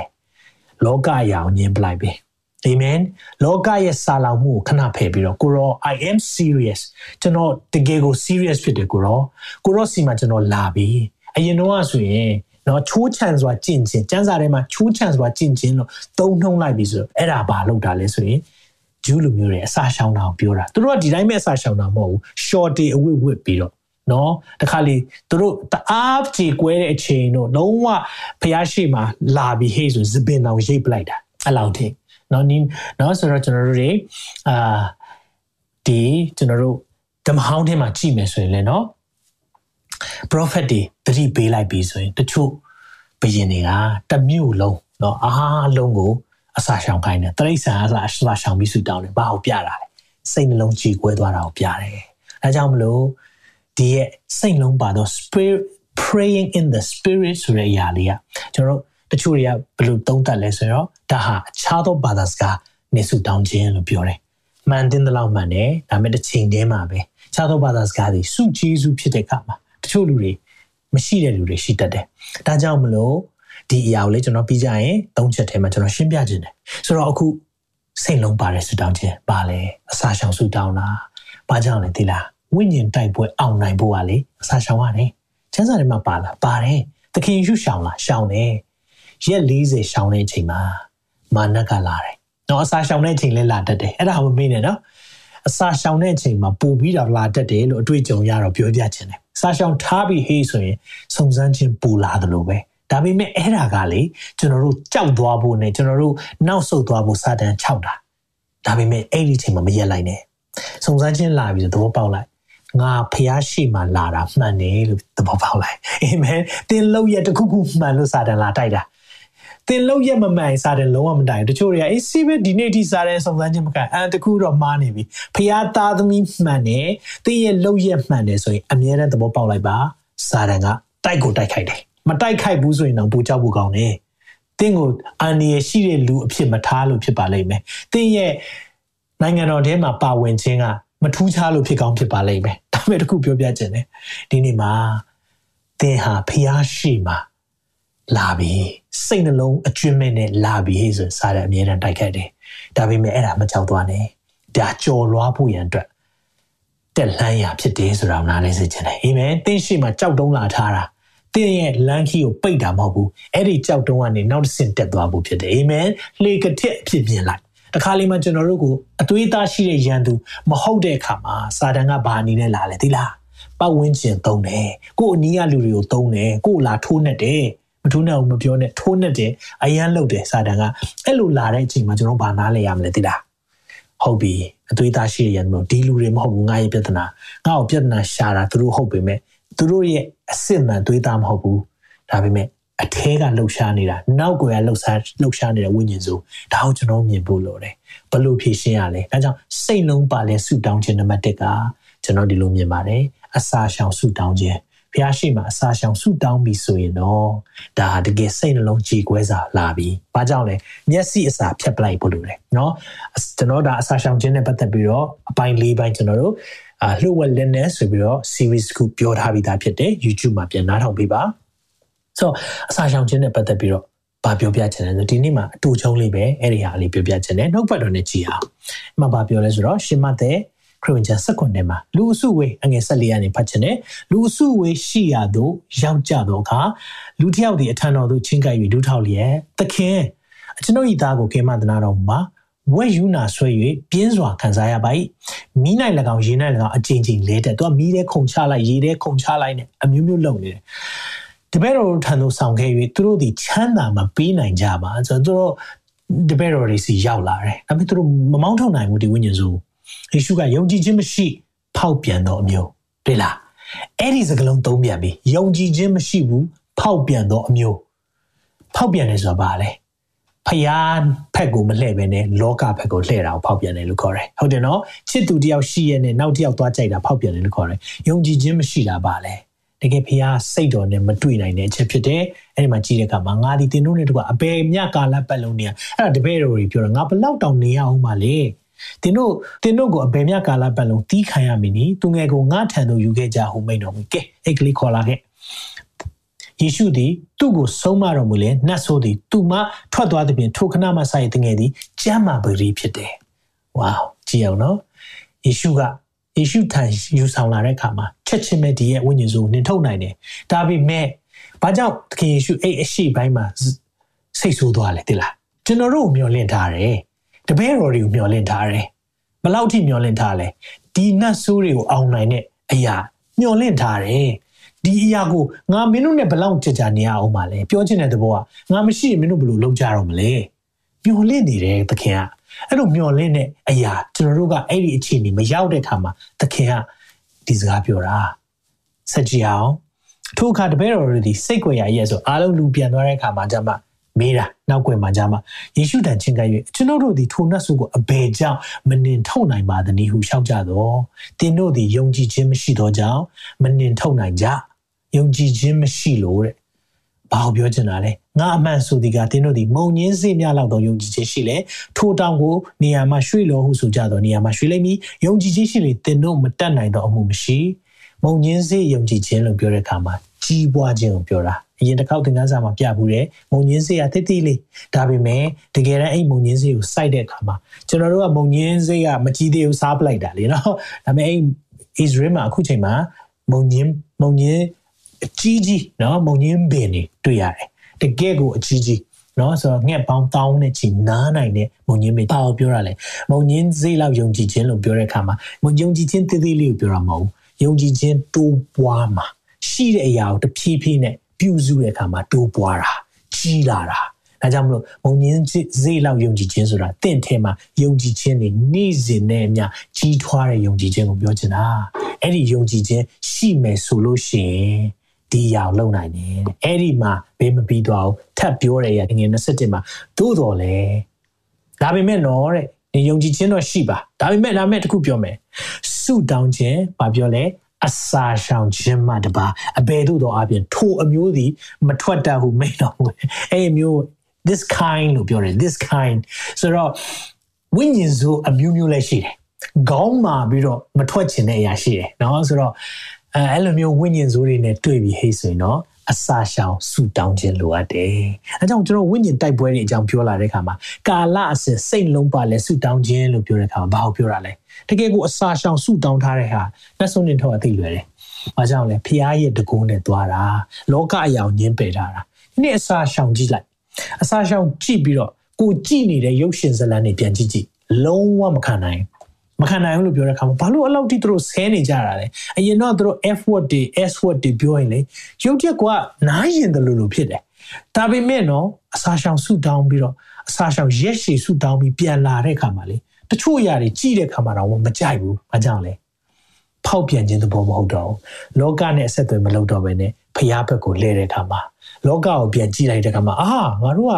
ထူးခြားနေပါလားဘာလို့သူတို့ဒီလိုတွေပြောတာလဲအဲ့လိုဖြစ်သွားတယ်ဒါပေမဲ့လောကထဲမှာနေတာကြာပြီဆိုရင်အဲ့ဒီစကလုံးကယင်သွားတယ်ယင်တဲ့အပြင်ကိုယ်ပါဇက်ကထမင်းစားရည်တော့ထွက်လာတယ်နော်ဒီလိုစကားတွေပြောလာတဲ့အခါမှာဘာလုပ်ဖို့လိုလဲကျွန်တော်တို့တွေကဖျားဘက်ကိုလှည့်ဖို့လိုတယ်အကြောင်း စာရှောင်ဆူတောင်းခြင်းနဲ့မှတချို့ဝိညာဉ်အရာတွေနိုင်နေဆိုတာသိစေချင်တယ်တချို့တွေအစာမရှောင်တဲ့အမှုတော်ဆောင်တွေကျွန်တော်နားမလည်နိုင်ဘူးစာမရှောင်တဲ့ယုံကြည်သူတွေနားမလည်နိုင်ဘူးယုံကြည်သူလို့ဘာလို့ကိုကိုခေါ်တာလဲဒီနေ့ကျွန်တော်မေတ္တာနဲ့ပြောချင်တာဖြစ်တယ်နော်။ဘာကြောင့်လဲသခင်ကိုယ်တိုင်လောင်ရှောင်ခဲ့တယ်။သူလည်းတိုက်တွန်းခဲ့တယ်။ရှင်ပေါလုဆိုလည်းရှောင်တယ်။တပည့်တော်တွေရှောင်တယ်ကျွန်တော်လက်ထက်ကြမှာမလို့တော့ဘူး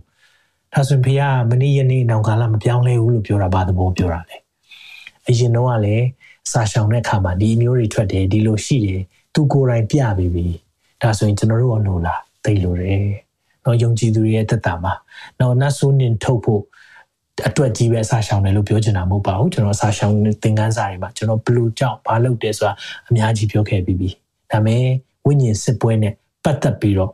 ဒီနေ့အစာရှောင်ခြင်းရတယ်ကာလအစဉ်စိတ်နှလုံးပါလျက်ဆူတောင်းခြင်း ကာလအစဉ်เนาะသုံးထားတဲ့အသုံးတော့ကာလအစဉ်တခါပဲလားမဟုတ်ဘူးကာလအစဉ်စိတ်နှလုံးပါလျက်ဆူတောင်းပါဒါကြောင့်ကျွန်တော်တို့မချားမလက်ဆူတောင်းဖို့လိုတယ်ကျွန်တော်တို့အစာရှောင်ရအချိန်ကြီးညာဖို့လိုတယ်တလမှာကျွန်တော်တို့ဘယ်နှခေါက်ရှောင်လဲတချို့အသင်းတော်တွေမှာလာဇမ်ပတ်တွေရှောင်တယ်နော်ဆယ်ရက်ရှောင်တယ်သိကောင်းတဲ့အလေးထားတွေဖြစ်တယ်။ဘာကြောင့်လဲဒီအရာတွေအားဖြစ်မယ်ကျွန်တော်တို့ဝိညာဉ်ခွန်အား တိုးပွားတယ်ဆိုတာကိုသိစေချင်တယ်။ဟုတ်ပြီကျွန်တော်ဆက်ပြီးတော့ကြည့်ကြည့်အောင်။နံပါတ်1 praying in the spirit စိတ်လုံးပါလျက်စိတ်လုံးပါသောဆုတောင်းခြင်းဆိုတာဘာလဲဆိုရင်ဝိညာဉ်တော်၌ဆုတောင်းခြင်းကိုလည်းပြောတာဖြစ်တယ်။နော်ခုနကျွန်တော်အစာရှောင်ခြင်းဒါစိတ်လုံးပါတယ်။နော်ဆိုတော့ဒီဒုတိယတစ်ခုကတော့ဝိညာဉ်တော်၌ဆူတောင်းခြင်းဘာကိုပြောတာလဲကျွန်တော်ဆူတောင်းတဲ့အခါမှာတစ်ခါလေးဘာတောင်းအောင်မသိဘူးကြုံဘူးလားဘာတောင်းအောင်မသိဘူးဆူတောင်းမှာဆိုတော့တော့ နည်းနည်းတောင်းပြီးတော့ကုံသွားရောဟုတ်လားဒါလွတ်ကျက်ထားတာကြီးကုံသွားရောအဲ့လိုဖြစ်တဲ့အခါမှာဟာဘာဆူတောင်းအောင်မလဲကြာကြီးဆူတောင်းလို့မရဘူးရှိတယ်အဲ့လိုချိန်တွေကြုံကြုံဘူးတယ်ဖြတ်တန်းဘူးတယ်ဒါပေမဲ့ကျမ်းစာမှာဗာပြောလဲဆိုရင်တော့ကျွန်တော်တို့ဘယ်သူမှစနေလဲဆိုတာကိုလည်းပြောပြချင်တယ်ဒီနေ့ဝိညာဉ်ဒဲ၌ဆူတောင်းခြင်းနဲ့ပတ်သက်ပြီးတော့ အေဘက်6 18မှာပဲပြောတာမဟုတ်ဘဲနဲ့ယူဒထဲမှာလည်းပြောထားတယ်ဆိုတာအရင်ဆုံးပြချင်တယ်ရှင်ယူဒဩဝါဒစာခန်းကြီး1ငယ်20မှာဘယ်လိုပြောလဲဆိုတော့ချစ်သူတို့တင်းတို့ဒီမိမိတို့အလွန်တန့်ရှင်းသောယုံကြည်ခြင်းပေါ်မိမိတို့ကိုတည်ဆောက်လျက်တန့်ရှင်းသောဝိညာဉ်တော်အားဖြင့်ဆူတောင်းပတနာပြုလက်တန့်ရှင်းသောဝိညာဉ်တော်အားဖြင့်နော်ဝိညာဉ်တော်၌ဝိညာဉ်တော်အားဖြင့်ဝိညာဉ်တော်နဲ့ဆုတောင်းပတနာပြုလျက်တဲ့ ထာဝရဘုရားသခင်ကိုချစ်ချင်းမြတ်တာနိုင်ကိုကိုကိုဆောင်းရှောက်၍ထာဝရအသက်လုံးကငါတို့သခင်ယေရှုခရစ်နာကိုမျှော်လင့်လက်နေကြလောဒါကိုကြည့်တဲ့အခါမှာတန်ရှင်သောဝိညာဉ်တော်အားဖြင့်ဆုတောင်းပတနာပြုတယ်တန်ရှင်သောဝိညာဉ်တော်အပြင်ဆူတောင်းမှပြုတယ်လို့ပြောတဲ့အခါမှာဝိညာဉ်တော်ရဲ့မဆာခြင်းလိုတယ်။ဘာကြောင့်လဲ။လူကလေဝိညာဉ်တော်မမဆာရင်ပြောရသိခဲ့တယ်။တရားဟောရင်လည်းထိုနည်း၎င်းပဲဝိညာဉ်တော်မဆာဝိညာဉ်တော်လမ်းပြခြင်းနဲ့လူတွေလွတ်မြောက်ခြင်းစာတန်းလည်းအရင် တိုက်ခိုက်တယ်အဲ့လိုအချိန်မှာဆိုစကလုံးတွေထစ်ကုန်တာရောနော်ပြောရမယ့်အရာတွေမိကုန်တာရောနော်ကြုံတယ်ကြုံဘူးတယ်ကြုံနေရတယ်အဲ့လိုဖြစ်တဲ့အခါမှာဝိညာဉ်တော်အဖြစ်ဆူတောင်းခြင်းဆိုတာပေါ်လာတယ်ဒါဆိုဘာပြောတာလဲဝိညာဉ်တော်အဖြစ်ဆူတောင်းခြင်းဒီနေ့ကျွန်တော်တို့ကတဲ့ဉာဏ်နဲ့ဆူတောင်းတဲ့ချိန်ရှိတယ်စိတ်နှလုံးနဲ့ဆူတောင်းတဲ့ချိန်ရှိတယ်နော်ဉာဏ်နဲ့လို့ပြောတဲ့အခါမှာကိုစဉ်းစားနိုင်တယ်လို့ဆူတောင်းတာအော်ဒီနေ့ဘယ်သူအတွက်ဆူတောင်းပေးမလဲအဲကြောင့်ဆူတောင်းခံချက်တင်ပြတဲ့အခါမှာကျွန်တော်တို့ကသိတယ်ဟာ ဒီနေ့နော်ဒီနေ့ဆူတောင်းဆူတောင်းတဲ့အခါမှာအော်ဟုတ်ပြီဒီတယောက်အတွက်လိုအပ်တယ်ဒီတယောက်အတွက်တော့အာဆူတောင်းမယ်သူတို့ရေးလာတဲ့အချက်တွေရှိတယ်နော်မပုံတင်ရဖို့ကြမ်းမာဖို့မှန်တယ်ဒါပေမဲ့သင်သိလားဝိညာဉ်တော်အဖြစ်ဆူတောင်းခြင်းကျွန်တော်မကြာခဏလုပ်သွားတယ်ဘယ်ချိန်မှလဲပြီးခဲ့တဲ့ကျွန်တော်တို့အာထုတ်လွှင့်ချက်နော်အဲမှာဆိုရင်ကျွန်တော်အဆုံးပိုင်းလေးမှာဆူတောင်းတဲ့အရာအဲ့နေရာအရန် အောက်အကောင်းတာတစ်ခုဖြစ်တယ်ဖခင်ကျွန်တော်ကိုဝိညာဉ်တော်အပြင်ပေါ်ပြတဲ့အရာရှိတယ်ဆူတောင်းခြင်းနဲ့ပတ်သက်ပြီးတော့အဲ့လိုဆူတောင်းခြင်းနဲ့ပေါ်ပြတဲ့အခါမှာလေဘယ်လောက်ထူးဆန်းလဲဆိုတော့ကျွန်တော်ဒီကနေဆူတောင်းတဲ့အရာဖះပေါ်ပြတယ်ဒီချိန်မှာခါနာတဲ့သူအတွက်ဆူတောင်းပါလို့ပြောတဲ့ချိန်မှာအဲ့ဒီချိန်မှာ comment ကခါနာခြင်းအတွက်ဆူတောင်းပေးပါကျွန်တော်ဒီကနေ comment ကြည့်နေတာမဟုတ်ဘူးဒါပေမဲ့အဲ့ဒီမှာတထက်တည်းဖြစ်တယ်ဘာကြောင့်လဲဝိညာဉ်တော်ကသိတယ်ဘာကြောင့်လဲဖះ နော်ခမဲတော်ဖះရဲ့အတွင်းစိတ်စိတ်နှလုံးအကြံစီအားလုံးကိုတဲ့သူ့ရဲ့ဝိညာဉ်ဖြစ်တဲ့တန်ရှင်သောဝိညာဉ်တော်ကသိတယ်လူရဲ့အတွင်းစိတ်ကိုလည်းလူဝိညာဉ်ကသိတယ်လို့ပဲဖယားရဲ့အတွင်းစိတ်ကိုတန်ရှင်သောဝိညာဉ်ကသိတယ်ဒါကြောင့်ဝိညာဉ်တော်ကဘယ်လိုလုပ်ပေးလဲဒီလားသင်ဆုတောင်းခြင်းတဲ့အကြောင်းနဲ့သူသိထားတဲ့အကြောင်းနှစ်ခုကိုလေတူညီစေတာတခါလေကျွန်တော်တို့ကဆုတောင်းတဲ့အချက်ကကိုလိုချင်တာတွေပဲပြောတတ်တယ် အဲတော့ကျွန်တော်တို့လိုချင်တာ shopping list လို့ပဲတခါရဲဘရောဒါမရသေးဘူးเนาะဒါလည်းရှိသေးတယ်ဒါရှိတယ် amen အဲ့လိုမဟုတ်ဘူးဒီနေ့ဖျားပဲအချိန်မှဖြည်ပေးလိုက်သေးလားဖျားရဲ့အလိုတော်ကျွန်တော်တို့ရဲ့အလိုတော်ကြိုက်သွားတဲ့အချိန်အဲ့ဒီအချိန်မှာကျွန်တော်တို့ရဲ့လိုချင်တဲ့အရာရှိတယ်ဒါပေမဲ့ဖျားဖြစ်စီခြင်းတဲ့အလိုတော်ကြိုက်သွားတဲ့အချိန်အမြဲတမ်းဆုတောင်းကြည့်ရတယ်အာမင်ဒါကြောင့်ကျွန်တော်တို့ကအဲ့လိုဖြစ်ဖို့ကဘယ်လိုသိနိုင်ပါလဲချိန်တိုင်းသိနိုင်တဲ့နည်းရှိတယ်ဘယ်လိုသိလဲ ဝိညာဉ်တော်မဆာခြင်းကိုရောဝိညာဉ်တော်ကျွန်တော်ဘာဆူတောင်းမလဲဘာလို့လုပ်ပေးရမလဲအဲကြောင့်တခါလေကျွန်တော်တို့တွေဆူတောင်းတဲ့အခါမှာဘာကြောင့်ဆူတောင်းခြင်းမှာတချို့ depression ဝင်တဲ့အရာတွေနော်ဟိုတလောကဆိုရင်ကလေးမလေးတယောက်ကိုကိုကိုအဆုံးစီရင်ဖို့လုပ်နေတဲ့အချိန်မှာကျွန်တော် online ကဆူတောင်းတယ်အဲ့လိုစိတ်သက်ကြပြီးသူဖြစ်နေတဲ့အချိန်မှာဖခင်ဝိညာဉ်တော်နှိုးဆိုတယ်အဲ့ဒီကြောင့်ဆူတောင်းပြီး ဒါကျွန်တော်ကခံမှန်းတာလည်းမဟုတ်သိတာဖះမဖို့ပြရင်ဘလို့မှမသိနိုင်အဲ့ဒီတယောက်ဘယ်သူလဲလည်းမသိဘူးနာမည်လည်းမသိဘယ်နိုင်ငံကြည့်လည်းမသိဘူးဒါမဲ့သက်တည်ခံချက်တွေပြန်ကြားတဲ့ခါကျမှအော်ဖះကအဲ့ဒီချိန်တော့ဒီလိုမျိုးအလုပ်လုပ်ပါလားအဲကြောင့်မလို့ကျန်းစာကျန်းစာတွေမှာရှိလားရှိတာပေါ့ဘယ်လိုပြောထားလဲဒီမှာယောမရှေအငယ်25မှာဒီလိုပြောတယ်ငါတို့ဒီမတွေ့မမြင်သောအရာကိုမျှော်လင့်လင်မှုကထိုအရာကိုသိခံသောစိတ်နဲ့ ငတ်လင်လင်နေကြ၏ထို့မှတပါငါတို့မတတ်နိုင်သောအရာမှာမတတ်နိုင်တဲ့အရာမှာဝိညာဉ်တော်သည်မာစာတော်မူ၏ငါတို့သည်ဆုတောင်းသင့်သည့်အတိုင်းအဘယ်ဆုကိုတောင်းရမည်ဟုမသိကြဘာတောင်းရမှန်းကိုမသိဘူးတို့ရတွင်ငါတို့ဆုတောင်းခြင်းအမှုကိုနှုတ်မမွတ်နိုင်သောညီးတွားခြင်းအပြင်ဝိညာဉ်တော်သည်ဆောင်ပါတယ်နှုတ်မမွတ်နိုင်တဲ့ညီးတွားခြင်းတခါလေပါဇက်ကနေဘာပြောရမှန်းတော့မသိတော့ဘူးငိုနေရတဲ့အချိန်ရှိလိမ့်မယ် ကိုရောကိုရောနောက်ဆုံးကိုရောပဲပြောနိုင်တဲ့အချိန်ရှိတယ်နော်မဆာပါဖျားကိုရောတခါလေဆုတောင်းမှုစကလုံးမရှိတော့ဘာဆုတောင်းမှမသိတဲ့အချိန်ရှိတယ်ကျွန်တော်ဇနီးမောင်လည်းလည်းကြုံခဲ့ရတယ်ပြီးခဲ့တဲ့လပိုင်းတွေကအရန်ကြုံခဲ့ရတယ်ဘဝမှာမကြုံဘူးတဲ့အတွေ့အကြုံမျိုးကြုံတဲ့အခါမှာဘဝမှာမထင်ထားတဲ့အရာတွေကြုံတဲ့အခါမှာလုံးဝဖျားရှိမှာ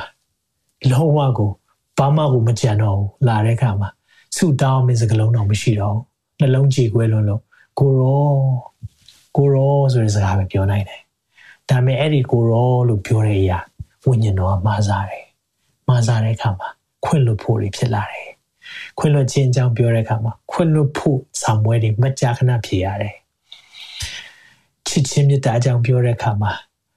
မုံတီးဖို့အကြောင်းအရာလေးတွေစာတမ်းအမြဲတမ်းထည့်ပေးတယ်ဒါမျိုးဖြစ်တတ်တယ်။ ဒါကြောင့်မို့ဝိညာဉ်တော်မာစာခြင်းအမြဲလိုတယ်နှုတ်ပတ်တော်နဲ့ဆက်ကြည့်အောင်စိတ်နှလုံးကိုစစ်တော်မူသောသူသည်လည်းဝိညာဉ်တော်ဤစိတ်သဘောကိုသိတယ်။စိတ်နှလုံးကိုစစ်တော်မူသောသူသည်လည်းဝိညာဉ်တော်ရဲ့စိတ်နှလုံးကိုသိတယ်ဒီကြည့်အောင်ဝိညာဉ်တော်ရဲ့စိတ်သဘောသိဖို့ကလေကိုယ်စိတ်ကိုကိုယ်စမ်းစစ်ရတယ်။ဝိညာဉ်တော်၌ဆုတောင်းခြင်းကိုယ့်ရဲ့နှလုံးသားအရင်စမ်းစစ်ကြည့်ရတယ်။ကိုယ့်ထဲမှာဘာတွေလိုအပ်နေလဲ။ကိုယ့်ထဲမှာဘာတွေဖျားမကြိုက်တာတွေဖျားအလိုတော်နဲ့မကြိုက်တာတွေရှိနေလဲ။ နှလုံးသားစမ်းစစ်ပါ။အဲ့ဒီအချိန်မှာအကြောင်းမူကဝိညာဉ်တော်ကြီးတန်ရှင်းသူတို့ကြီးဆုတောင်းခြင်းအမှုကိုဖျားသခင်ကြီးအလိုတော်နဲ့အညီဆောင်ပါတယ်။ဖျားအလိုတော်နဲ့ဆောင်မဖို့ကလေကျွန်တော်စိတ်နှလုံးသားထဲမှာရှင်းနေဖို့လိုတယ်။နောက်ဆုံးမှာဘာမှဆုတောင်းစရာမရှိတဲ့အခါမှာနှုတ်မမွတ်နိုင်တဲ့ညီတွားခြင်းတခါလေနှုတ်တော်မမွတ်နိုင်တဲ့အချိန်ရှိတယ်တခါလေအဲ့ချိန်မှာဘယ်ဟာအသုံးဝင်လာလဲအခြားသောဘာစကားတွေအသုံးဝင်လာတယ်အဲ့ချိန်မှာဘာတွေကအသုံးဝင်လာလဲချီးမွမ်းခြင်းတွေစာလံသခြင်းတွေအသုံးဝင်လာတယ် ဘာကြောင့်လဲကိုယ်စကလုံးမကြံတော့ကိုယ်စလုံးမရှိတော့တားကြည်ခွဲလာဒီနေ့တားကြည်ခွဲတဲ့အခါမှာအမိတင်ပေးတာတခုရှိတယ်စာလံ30ခွန်ရွတ်ပါစာလံ30ခွန်ဖတ်ပါ39ခုမြောက်သောစာလံဖတ်တဲ့အခါမှာလူဆိုးတို့အကြောင်းကြောင့်စိတ်မပူနဲ့မတရားသဖြင့်ပြုသောသူကိုမညှို့စုနဲ့ကိုယ့်ကိုမတရားလုပ်တာပြီလို့ပြောတဲ့အခါမှာကိုယ့်မှာဆူတောင်းချက်ကိုကိုယ့်ရဲ့ဆူတောင်းချက်ကဘာပဲဖြစ်မယ်လဲကိုရောသူတို့တန်ခတ်ပါ ကိုရောအသက်ရှင်ကြောင်းပြပါကိုရောသူတို့စီရင်ပါဒါပဲဆူတောင်းလာပါလေမကြည်နှက်ချက်တွေနဲ့လာပါဒါပဲဘာပြောလဲနှုတ်ဖတ်တော့ခုနကျွန်တော်ဖတ်တယ်စိတ်လုံးဆန်းစစ်ပါတဲ့ဝိညာဉ်တော်ရဲ့စိတ်သဘောတည်ဖို့ကိုယ့်ရဲ့နှလုံးသားထဲမှန်ကန်ဖို့လိုတယ်အဲ့ဒီအချိန်ကျတော့နှုတ်မမွတ်နိုင်တော့နောက်ဆုံးကျတော့ဆူတောင်းအောင်မသိတဲ့အခါမှာဖះကလေကျန်းစာဖတ်ခိုင်းတဲ့အချိန်အများကြီးရှိတယ်တခါလေဒါဆိုရင်စာလံထဲမှာရော မကြည်နှက်ချက်တွေပြောတာရှိလားရှိတာဗောဒါဝိမင်းကြီးဆိုရင်ရေးထားလိုက်တာမှမနေဘူးကျွန်တော်အစာရှောင်ခြင်းကိုကေးရတယ်ကိုတော့ဟောသူရေးတယ်နော်သူမကြာခဏဒီအရာတွေရေးတယ်သူရင်ဖွင့်တယ်ဘုရားစီမှာအခါလေးမှာလေအဲ့ဆူတောင်းခြင်းလို့ပြောတဲ့အခါမှာစာလံတခြင်းတွေအဲ့ဒီစာလံကျမ်းတွေကကျွန်တော်တို့ကဒီတိုင်းပဲဖတ်တာဒါမဲ့ဂျူးလူမျိုးတွေကဒါတချင်းဖြစ်တယ်တချင်းအပုတ်150အဲ့တချင်း150ကိုသူတို့ဆိုလို့ရတယ်ဆိုနေကြတယ် ပြောချင်တာပါလေဒီအရာတွေဟာစာလံတချင်းလို့ပြောတဲ့အခါမှာတခါလေမှနှုတ်မှတ်ဖို့ရမရှိတော့ပြောဖို့တော့မကြံတော့အဲ့ချိန်မှာကိုရောသာရဖျားတဲ့ငါ့တိုးရင်းဖြစ်တဲ့ငါဒီစင်ရမခံရစိတ်လန်းသောချက်စားရဲ့ရနိုင်ငါကိုအိတ်စေတယ်တာတော့မျက်နှာတော့လမ်းပြတယ်ငါဝိညာဉ်ကိုအားဖြည့်တယ်အဲ့လိုဆူတောင်းရင်တောင်းရင်လည်းဘာဖြစ်လာအောင်လဲလားအကယ်စင်စစ်သင်မင်းရဲ့အရေးလွှမ်းမှုသောကြိုက်တဲ့သူရှောက်သွားရတော့ဖေဟာတခါလေလေ သင်မင်းရဲ့အရေးလွှမ်းမှုတဲ့ကြိုက်တဲ့ကိုရှောက်ခိုင်းတဲ့အချိန်ရှိတယ်နော်မဖြတ်ရအောင်မပြောအဲ့ဒါတွေကိုမပေးဘူးမပြောဖြတ်ခိုင်းတဲ့အချိန်ရှိတယ်ဒါပေမဲ့ဘေးအန္တရာယ်ကိုမကြောက်ပါဘာကြောင့်မကြောက်လဲအကြောင်းမူကကိုရော်ဒီအကျွန်ုပ်နဲ့အတူရှိတယ်ဖခင်ရဲ့မာစာခြင်းနဲ့မျက်မှောက်တော်ရှိတာအဲ့လိုရှိတဲ့အခါမှာလေကျွန်ုပ်ရန်သူရှေ့မှာဇပွဲခင်းတယ်။ငါလေကိုယ့်ရဲ့ရန်သူရှေ့မှာဇပွဲခင်းတဲ့အခါမှာစားရတာတော့တော်တော်ခက်မှာပဲเนาะ။ရန်သူတွေကလည်းကြည်နေတယ်။ ဒါပေမဲ့ဖခင်ကလေအဲ့ဒီရန်သူရှေ့မှာတင်းကိုလေလှပစွာ banquet လို့ခေါ်တယ်။ဇပွဲခင်းတယ်လို့ပြောတဲ့အခါမှာကျွန်တော်ဇပွဲခင်းကိုပဲမြင်တာအောင်မြန်မာစာမှာကြတော့ဇပွဲခင်းတယ်ဆို banquet ဆိုတာတကယ်စားပွဲပြင်ဆင်ပေးတာ။တင်းရဲ့မြင်ရရှက်ရည်နဲ့အကောင်းဆုံးစားတဲ့ဟာတွေကိုရန်သူတွေကကြည်နေရတယ်။အဲ့ဒီချိန်တွေဘုရားပြင်ဆင်ပေးတယ်။ဒါမဲ့ဝိညာဉ်တော်မာစာခြင်းသိလိုအပ်တယ် အဲ့လိုဖြစ်မယ်ဆိုရင်เนาะအငယ်28မှာဖျားသခင်ကိုချစ်တော်ချစ်တော်သူတည်ဟူသောကြံစီတော်မူခြင်းအတိုင်းခေါ်တော်မူသောသူတို့၏အကျိုးကိုခတ်သိမ်းသောအရာတို့သည်တညီတညွတ်တည်းပြုစုကြသည်ကိုငါတို့သိကြ၏ယောမရှင်28တော့ကျွန်တော်အရန်ကြိုက်တယ်ဒါပေမဲ့ခတ်သိမ်းသောအရာဆိုတော့ကိုကြုံကျင်တာပဲမဟုတ်ဘူးမကြုံကျင်တဲ့အခက်အခဲတွေလည်းပါတတ်တယ်ဒါပေမဲ့အဲ့လိုပါတဲ့အရာတွေအားလုံးနောက်ဆုံးကြည့်တဲ့အခါမှာပကြီကားတစ်ချက်ကိုကြည့်တဲ့အခါမှာဒီနေရာလေးကဘာလို့မဲနေတာလဲ အဲ့ဒီနေရာကိုကွက်ကြည့်ပြီးတော့ဒီနေရာလေးကဘာကြောင့်မလို့အဲ့ဒီမှာမဲနေရတာလဲဒါပေမဲ့အဲ့ဒီအမဲဆက်ကအားလုံးကိုကြည့်လိုက်တဲ့အခါမှာအော်ဒီရလေးကဒါကိုပုံပေါ်ချင်တာဘူးထုံဒီ၎င်းပဲကျွန်တော်တို့ဘဝမှာတချို့တွေအမဲဆက်ရှိတယ်လို့ရှိတယ်ဒါပေမဲ့ဖះထဲမှာပြန်လာခဲ့ဖះရဲ့မေတ္တာအောက်မှာအဲ့ဒီအမဲဆက်ကလေသူတစ်ပါးအတွက်လှပရရဖြစ်သွားတတ်တယ်ဆရာမကြီး Joyce Meyer အဖေအဖေရင်းကိုယ်တိုင်အောင်သူ့ကိုအရမပြုကျင်တယ် သူ့တက်တာမှာမခွင့်ခွင့်မလွတ်နိုင်ဘူးအများကြီးသူအိမ်ထောင်နေနဲ့သူကြုံခဲ့ရတဲ့သူ့ဘဝအမျိုးသားတွေအများကြီးကသူ့ဒီလိုပဲနှိပ်စက်တယ်ဒါပေမဲ့ဖះကြံစီရှိတဲ့အခါမှာဘာဖြစ်လာလဲသိလားတကယ်ကိုဖះအသုံးတော်ခံတဲ့နှုတ်ပတ်တော်မှာရဲဝင့်စွာသင်ကြားတဲ့သူဖြစ်လာတယ်သူ့အကြောင်းလေးသူအမြဲတမ်းပြောတယ်တရားဟောတဲ့အတိုင်းမှာအဲ့လိုပြောတဲ့အခါမှာ သူ့လိုကြုံခဲ့ရတဲ့အမျိုးသမီးငယ်လေးတွေခွန်အားဖြစ်စေတယ်သူ့ရဲ့အတွေ့အကြုံကခါသီးတာမှန်တာမှန်တယ်အရန်ခါသီးတယ်ဒါပေမဲ့အဲ့ဒီခါသီးတဲ့အတွေ့အကြုံကဖះကခတ်သိမ်းတော့ရတညီတညွတ်တဲ့ပြုစုတဲ့အခါမှာသူ့အတွက်တသက်ခံချက်ဖြစ်ပေမဲ့အဲ့ဒီတသက်ခံချက်ကြောင့်ထောင်ပေါင်းတောင်းပေါင်းချီတဲ့အမျိုးသမီးငယ်လေးတွေတက်ခွန်အားဖြစ်သွားတယ်ပြောချင်တာပါလေအဲကြောင့်မလို့ don't waste your problem do not waste your problem တင်းရဲ့ပြဿနာကိုအချီးကြီးမစွန့်ပစ်ပလိုက်နဲ့ဖခင်တခါလေကိုယ်အခက်ခဲကြုံခိုင်းတင်းရဲ့အခက်ခဲကိုဒီတိုင်းကြီးအခက်ခဲကြော်သွားပြီးတော့မဟုတ်ဘူးအဲ့ဒီအခက်ခဲကြောင့်မလို့တပါးသူတွေကောင်းကြီးဖြစ်ဖို့အကြောင်းဖြစ်ပါစေဟာလေလုယာနောက်ဆုံးချက်ပြောပြခြင်းနဲ့ဒါပါလဲဆိုရင်တော့အခြားသောဘာသာစကားဖြင့်ဆုတောင်းခြင်းကျွန်တော်စိတ်နှလုံးပါလျက်ဆုတောင်းခြင်း praying in the spirit ဒီ spirit က capital letter S အကြီးနဲ့ရေးထားတယ် spirit ဝိညာဉ်တော်ပုံဆောင်တယ်ဆိုတော့အခြားသောဘာသာစကားနဲ့ဆုတောင်းတယ်ဒါဟာစိတ်နှလုံးထဲကဆုတောင်းတာဘာကြောင့်လဲလို့ပြောတဲ့အခါမှာအခြားသောဘာသာစကားနဲ့ဆုတောင်းခြင်းဟာတဲ့ကျမ်းစာဘာပြောလဲဆိုတော့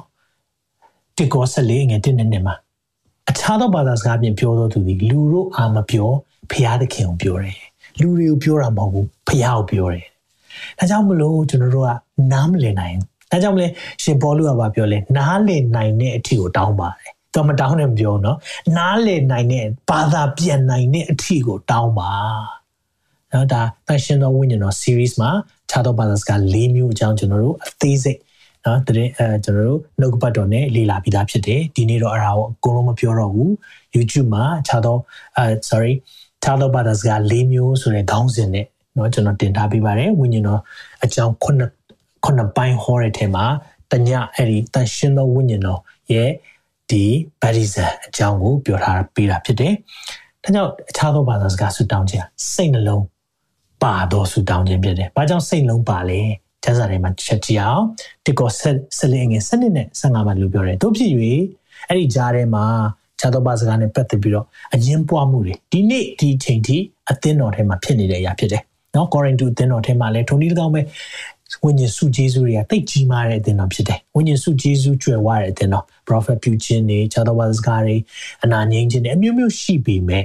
သူတို့ဘာလို့သွားလဲသိလားအဲ့ဒီအသင်းတော်မှာမတရားတော့မိထုံနေခွင့်ပြုထားတယ်ဆိုတော့နော်သူရဲ့နော်ဖခင်ရဲ့ဇနီးနဲ့ဆိုတော့သူရဲ့မိတွေဖြစ်ပါလိမ့်မယ်နော်အဲ့ဒါနဲ့လက်ထပ်ထားတဲ့သူတွေလည်းအသင်းတော်ကလက်ခံထားတယ်ဒီလူတွေကိုဖယ်ဖို့နင်ထုတ်ဖို့ဆိုရှင်ဘောလူက၄ချိန်လောက် စာထဲမှာရေးပြီးတော့ဆုံးမထားတဲ့အသင်းတော်ဖြစ်တယ်။နောက်ပြီးရင်ပွဲတော်စားတဲ့အခါမှာလည်းလူကုန်တန်းနေအဲ့တော့ပွဲတော်ဆိုဒီလိုမျိုးကျွန်တော်တို့မုံနဲ့စပီးစားတာမဟုတ်ပဲတကယ်စားပွဲကြီးနဲ့စားတဲ့အချိန်အဲ့လိုစားပွဲကြီးနဲ့စားတဲ့အချိန်မှာဘာဖြစ်လဲဆိုတော့လူကုန်တန်းတွေကအရင်လာပြီးအကုန်စားပလိုက်တယ်။ဆိုတော့စင်ရသားတွေမရှိမရှိတဲ့လူတွေအငယ်ဆုံးသောသူတွေကဗိမ္မာန်တော်လာတဲ့အခါမှာစားစရာမကြံတော့အဲ့လိုလုပ်တဲ့အခါမှာ ဖရားရဲ့ဆုံးမခြင်းရှိတဲ့အခါမှာတချို့နာဖျားတယ်တချို့သေကြတယ်။ဒါကြောင့်မလို့ကျွန်တော်ကျမ်းစာဖတ်တဲ့အခါမှာကိုကိုစစ်ကြောပြီးမှစားပါဆိုတာပြောတာအဲ့ဒီရဲ့နောက်ခံသမိုင်းကအဲ့လိုမျိုးရှိခဲ့တယ်။ဆိုတော့ဝိညာဉ်စုဂျေဇုတွေနဲ့ပတ်သက်ပြီးတော့အယံကိုအငင်းပွားတဲ့အသင်းတော်ဖြစ်တဲ့အခါမှာရှင်ပေါလုကနော်ကောရိန္သုပထမဆုံးအဆက်နှစ်မှာလည်းပြောတယ်ဆက်လေးမှာလည်းပြောတယ်အဲ့ဒီဆက်နှစ်နဲ့ဆက်လေးကြားတဲ့ဟာ73ဒီမေတ္တာကျမ်းအခန်းကြီးပေါ့နော်မေတ္တာအကြောင်း ပြောတဲ့အရာဖြစ်တယ်။ဘာနဲ့တူလဲဆိုဟမ်ဘာဂါနဲ့တူတယ်နော်။အပေါ်ကနော်ရှိတယ်ပေါင်မုတ်ရှိတဲ့ကြားထဲမှာအသားညှက်ထားသလိုပဲ။နော်ဆိုတော့အသားကြီးစားရင်လည်းမကောင်းဘူး။ပေါင်မုတ်ကြီးစားရင်လည်းမကောင်းဘူး။ထုံနေလည်းကောင်းပဲ။ဟမ်ဘာဂါလိုမျိုးပဲ။နော် Corin 2 hours ပထမစောင်းခန်းကြီး7ရဲ့73ရဲ့14ရဲ့အဲ့ဒီဟာလှပတဲ့အရာလေးဖြစ်နေတယ်။ဆိုတော့နောက်ဆုံးဘယ်လောက်ထိပြောရလဲဆိုမေတ္တာမရှိဘဲနဲ့ဝိညာဉ်စုကျေစုရှိတာအလကားပဲလို့ပြောယူရတဲ့အဆင့်အောင်ဖြစ်လာတယ် နော်ဒါကြောင့်မလို့ကျွန်တော်တို့ရဲ့သက်တာမှာဒါဆင်ကျင်ဖို့ပဲဒီချိန်မှာလည်းဝိညာဉ်စုဂျေစုနဲ့အရန်သွားတဲ့လူတွေအသင်းတော်တွေရှိတယ်ကောင်းတယ်ဝိညာဉ်စုဂျေစုသမားတွေဒါလိုတယ်ဒါပေမဲ့ကျွန်တော်ဘဝမှာစုဂျေစုသမားတွေကိုတွေ့တဲ့အခါမှာတခုတော့သတိထားမိတယ်ထိမ့်သိမ့်မှုသိခက်တယ်နှုတ်ကပတ်တော်နဲ့ထိမ့်ရင်လည်းမရလောကပညာနဲ့ထိမ့်ရင်လည်းမရဝိညာဉ်စုဂျေစုဘိုင်းမှာကြွယ်ဝတဲ့သူတွေတခါလေထိမ့်ရသိခက်တယ်အဲကြောင့်ရှင်ဘောလူလည်း Corin to Oras อ่ะเนาะပထမဆုံးအမှန်တော့၃ဆောင်တောင်ရေးတာဒီဆောင်ကပျောက်သွားလို့ နော်အဲ့ဒါဒုတိယဆောင်ကိုပြန်ပြီးရေးပေးတာဖြစ်တယ်ဆိုတော့သူ့စာတွေနော်ကိုရင်တိုဖတ်တဲ့အခါမှာအရန်ဟိုဘယ်လိုပြောမလဲပုံမှန်ရေးတာတက်ပို့ပြီးတော့ပြင်းထန်တဲ့စကားလုံးတွေသုံးထားတယ်မင်းတို့ငါလာတဲ့အခါမှာငါတရားဟောတဲ့အခါမှာကောင်းကောင်းနားမထောင်ချင်ဘူးဟလာပေါ်လူကတော့စာနဲ့ဆိုရင်ငါတို့ရေးတယ်တကယ်ဟောတော့လည်းအဲ့လောက်မဟုတ်ပါဘူးစသဖြင့်အဲ့လောက်ထိသူရေးနေရတယ်အဲ့လိုဖြစ်တဲ့အခါမှာဘာကိုပြောချင်တာလဲဆိုတော့ဝိညာဉ်စုဂျေစုကြွယ်ဝခြင်းအသိကောင်းတယ်ဒါပေမဲ့ မေတ္တာမရှိလို့မရဘူးအဲ့ဒါကိုပြောပြတာเนาะဒါကြောင့်ကျွန်တော်တို့ကဝိညာဉ်စုဂျေစုကိုအားတန်တဲ့ဟာရှိတယ်ကောင်းတယ်ဒါမဲ့တစ်ချိန်တည်းမှာပဲနှုတ်ပတ်တော်နဲ့မေတ္တာလွတ်လို့မရအောင်တစ်ချိန်တည်းမှာပဲဒီဘက်ကနေမေတ္တာနဲ့သွားတာမှန်တယ်ဒါမဲ့ဝိညာဉ်စုကျေးဇူးမရှိတဲ့ခါမှာလည်းအဲ့မေတ္တာလေလူလုတ်တဲ့မေတ္တာလို့ဖြစ်သွားတယ်မဆာခြင်းပေါ့နော်ဖခင်ရဲ့ကျေးဇူးတော်မဆာခြင်းအကြောင်းအရာလေးနေတတ်တယ်ဆိုတာကိုလည်းတွေ့ရတယ်ဒါကြောင့်မလို့ဒီနေ့ဒီနှုတ်ပတ်တော်မှာကြည့်တဲ့အခါမှာဘာပြောလဲဒီလားအဲဒီမှာဆိုတော့ ဘာပြောထားလဲဆိုတော့ဖတ်ကြည့်အောင်တို့ဖြစ်ပြီးသင်တို့သည်ဝိညာဉ်စုကျေးဇူးတော်ကိုအလွန်အလိုရှိကြသည်တွင်ဝိညာဉ်စုကျေးဇူးတွေเนาะစုကျေးဇူးရဖို့တွေဆိုရင်အလိုရှိကြတယ်ဆိုတာလိုချင်တယ်ဆိုရင်အသင်းတော်ကိုတည်ဆောက်ခြင်းကကြွယ်ဝပြည့်စုံမိအကြောင်းစူးစမ်းကြလောအသင်းတော်တွေ့လားဝိညာဉ်စုကျေးဇူးဆိုတာဘာအတွက်လဲဒီလားအသင်းတော်တည်ဆောက်ခြင်းကဒါကြောင့်တခါလေကျွန်တော်တို့စုကျေးဇူးရှိတဲ့သူတွေကိုကျွန်တော်ဒီနေ့ခွန်အားပေးခြင်းတယ်အသင်းတော်နဲ့တွဲပြီးလှုပ်လှုပ်ပါ အသင်းတော်တည်ဆောက်ဖို့အလုပ်လုပ်ပါအသင်းတော်တိဆောက်ဆိုအသင်းတော်ထောင်ကိုင်းတာကိုပြောတာမဟုတ်နော်အဲ့ဒီအသင်းတော်ပြက်နေရင်လည်းအဲ့ဒီအသင်းတော်မှာတိဆောက်တော်သူတွေဖြစ်ဖို့ဘုရားလိုတော့ရှိတယ်အာမင်သင်ရဲ့ဝိညာဉ်စုဂျေစုအတွက်သင်ကိုအရန်ဘုရားကိုဂျေစုတင်တယ်တစ်ချိန်တည်းမှာပဲသင်ကိုသတိပေးခြင်းတယ်သင်ရဲ့စုဂျေစုကအသင်းတော်တိဆောက်ခြင်းမှာကြွယ်ဝစွာပြည့်စုံဖို့ကြိုးစားပါရှင်ဘောလူတိုက်သွင်းတယ်လို့ကျွန်တော်လည်းဒီနေ့မှာထပ်ဆင့်ပြီးတော့ခွန်အားပေးခြင်းတယ်ထို့ကြောင့်အခြားသောဘာသာစကားကို ပြောပြန်ပြောတော့သူသည်အနက်ကိုလည်းဖော်ပြနိုင်မိအကြောင်းဆုတောင်းစေတွေ့လားသာတော့ဘာသာပြောတဲ့သူတွေအနက်ပါပြောနိုင်ဖို့ပို့ပြီးဆုတောင်း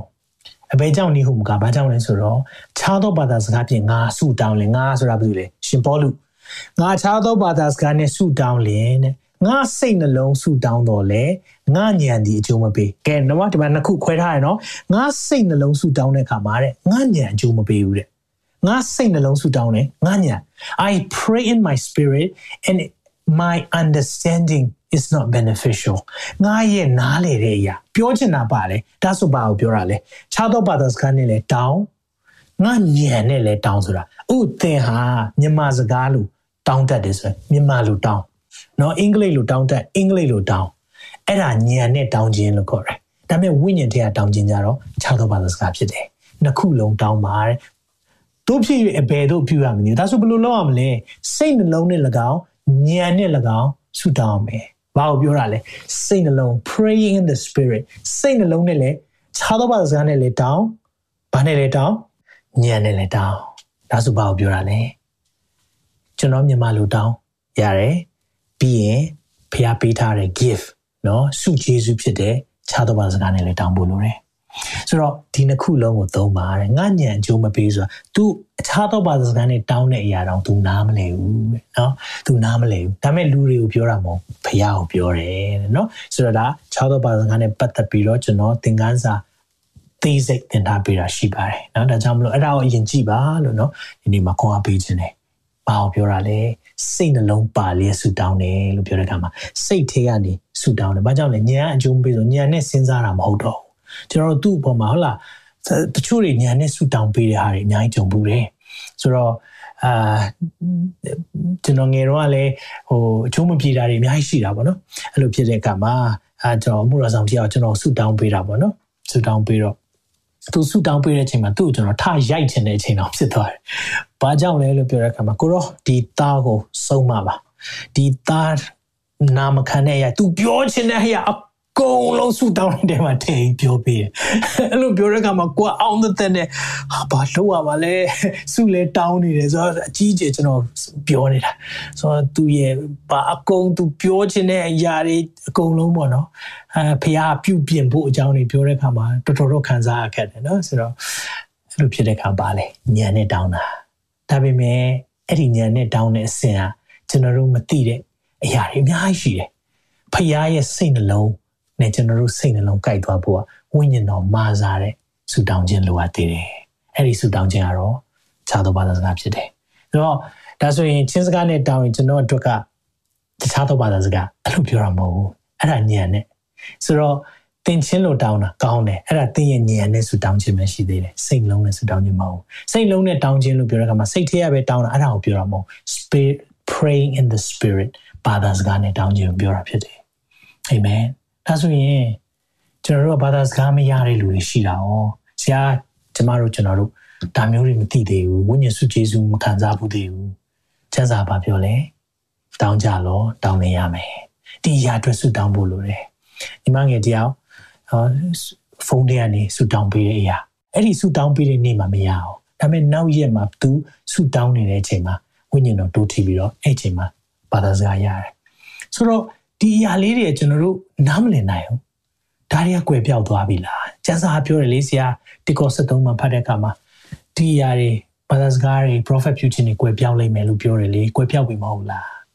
ငါတို့တွေ့သမျှအခုချိန်မှာမှန်နဲ့တွေ့တယ်လို့ပဲ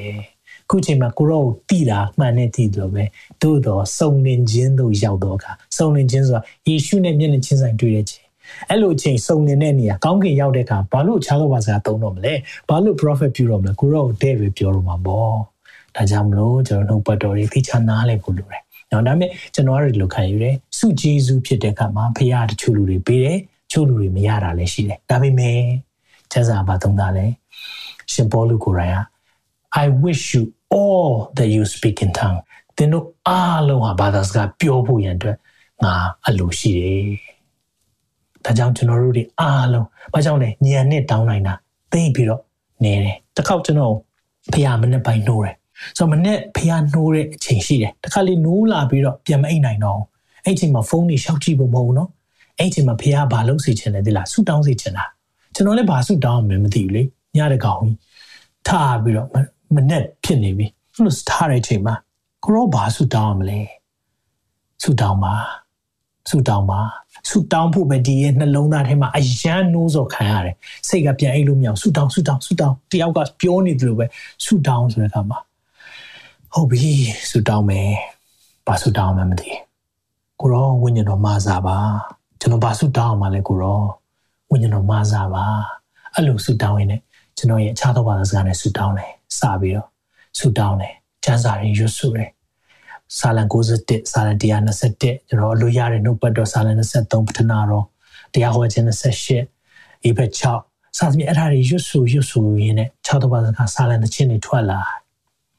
အဲ့ပြီးတော့ဆူတောင်းပြီးတော့တဏှာကြီးခဏလေးကုန်သွားတယ်လို့ခံစားရတယ်အဲ့ဒါနဲ့ပြီးသွားတော့စိတ်ထဲမှာအော်ဒါပြီးသွားပြီလို့ခံစားရတဲ့အခါမှာကျွန်တော်ပြန်အိတ်သွားတယ်နောက်ရက်မနေ့မှာကျွန်တော်အမကြီးဖုန်းဆက်လာတယ်ညတော့ကအရန်နေမကောင်းဖြစ်တာအထက်လန်အောက်လျှော်ဖြစ်ပြီးတော့ လုံးဝငါဒီဟာဘယ်သူမှလည်းဘေးမှမရှိဘူးငါတော့သွားပြီချင်တယ်လို့သူထိန်တဲ့အခါမှာဖះသခင်ကျမကိုကဲမပါ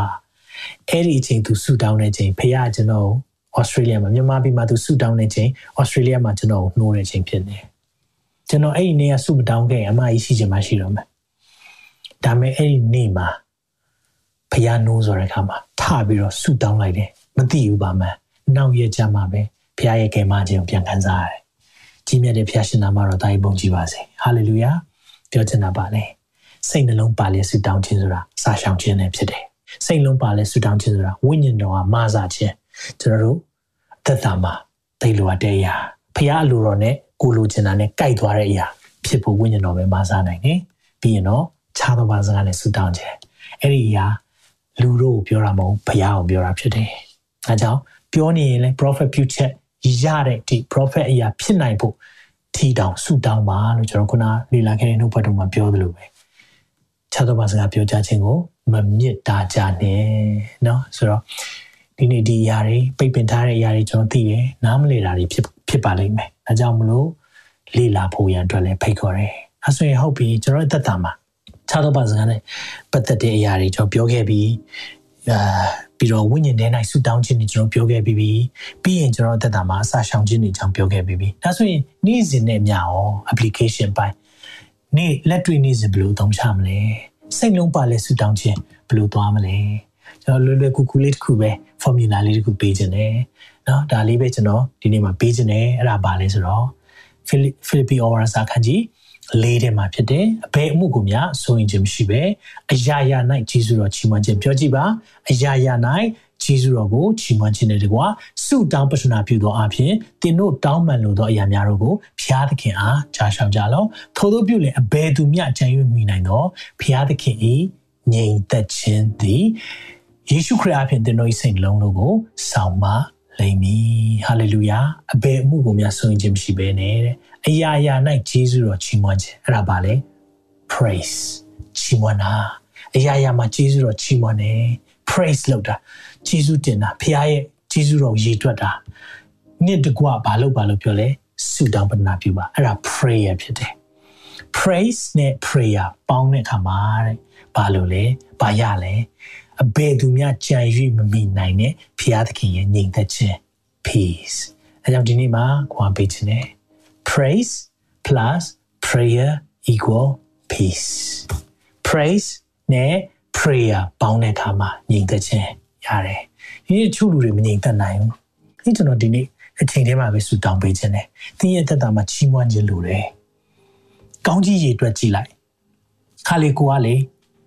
social media တွေကြည့်တဲ့အခါမှာကောင်းကြီးရေအတွက်ဖို့ကိုယ့်စီမှာရှိတဲ့ကောင်းကြီးတွေမိနေတတ်တယ်ရေအတွက်ရကောင်းမှလည်းမသိရိုးသွားတတ်တယ်ဒီတင်သားသမီးရှိတဲ့စင်ဖျားကိုကျေးဇူးတင်သားသမီးလိုချင်တဲ့မိဘတွေကဘာမှာတန်းနေချီပြီးရှိတယ်ဒါပေမဲ့တင်သားသမီးရှိတယ်သားသမီးတွေရှိနေတာနဲ့တင်မချီးမွမ်းနိုင်သေးရင်ဒီနေ့ဖျားကိုဒီနေ့ပြန်လေချီးမွမ်းဖို့ရန်အတွက်ဖိတ်ခေါ်ခြင်းနဲ့ အာဆရာကြီးသားသမီးတွေမလိမ္မာအောင်ချီးမွမ်းပါဖျားသခင်ကောင်းမြတ်တယ်ဒီသားသမီးတွေအဖြစ်ဖျားအလုံးလုံးမယ်ဝန်ခံရအောင် praise plus prayer အဲကြောင့်ဒီနေ့စိတ်လုံးပါသောဆုတောင်းခြင်းအလေချီးမွမ်းခြင်းနဲ့ဆက်ဆက်နေတတ်တယ်။ဒါကြောင့်ကျွန်တော်တို့ praise and worship လုပ်တယ်လို့ပြောတဲ့အခါမှာဘာကိုလုပ်ပေးတာလဲဆို praise and worship လုပ်တာလေချီးမွမ်းတယ်လို့ချီးမွမ်းခြင်းနဲ့ကိုးကွယ်တာဘာလုပ်တာလဲဆိုတော့လေကျွန်တော်တို့ရဲ့ကြုံနေတဲ့ လောကပေါ်မှာကြုံနေတဲ့ attention ပေါ့ကျွန်တော်တို့အာယုံစိုက်တဲ့အရာကြီးကလေဘယ်ရောက်သွားလဲဆိုတော့ကိုကဥပမာအိမ်ကိစ္စကိုအာယုံစိုက်တယ်စီးပွားရေးကိုအာယုံစိုက်တဲ့နေရာနေလေဖះကိုအာယုံစိုက်တဲ့အရာဖြစ်သွားတာဆိုအဲ့လိုလုပ်ပေးနိုင်တယ် the power of praise ချီးမွမ်းခြင်းဖះကိုဂုဏ်တော်ချီးမွမ်းခြင်းကလေဖះကောင်းမြတ်ခြင်းကိုပဲပြောတဲ့အခါမှာကျွန်တော်တို့ရဲ့ပြဿနာကိုလုံးဝမမြင်တော့ဘဲနဲ့ဖះရဲ့ကြီးမြတ်ခြင်းကိုသွားမြင်တာအဲ့ဒါမှာ power ရှိတာအဲ့ဒီမှာ တကူပါလာတာဒါကြောင့်ကျွန်တော်တို့စိတ်လုံးပါလက်ကောင်းမွန်တဲ့ဆုတောင်းခြင်းကလေပါလေသိလား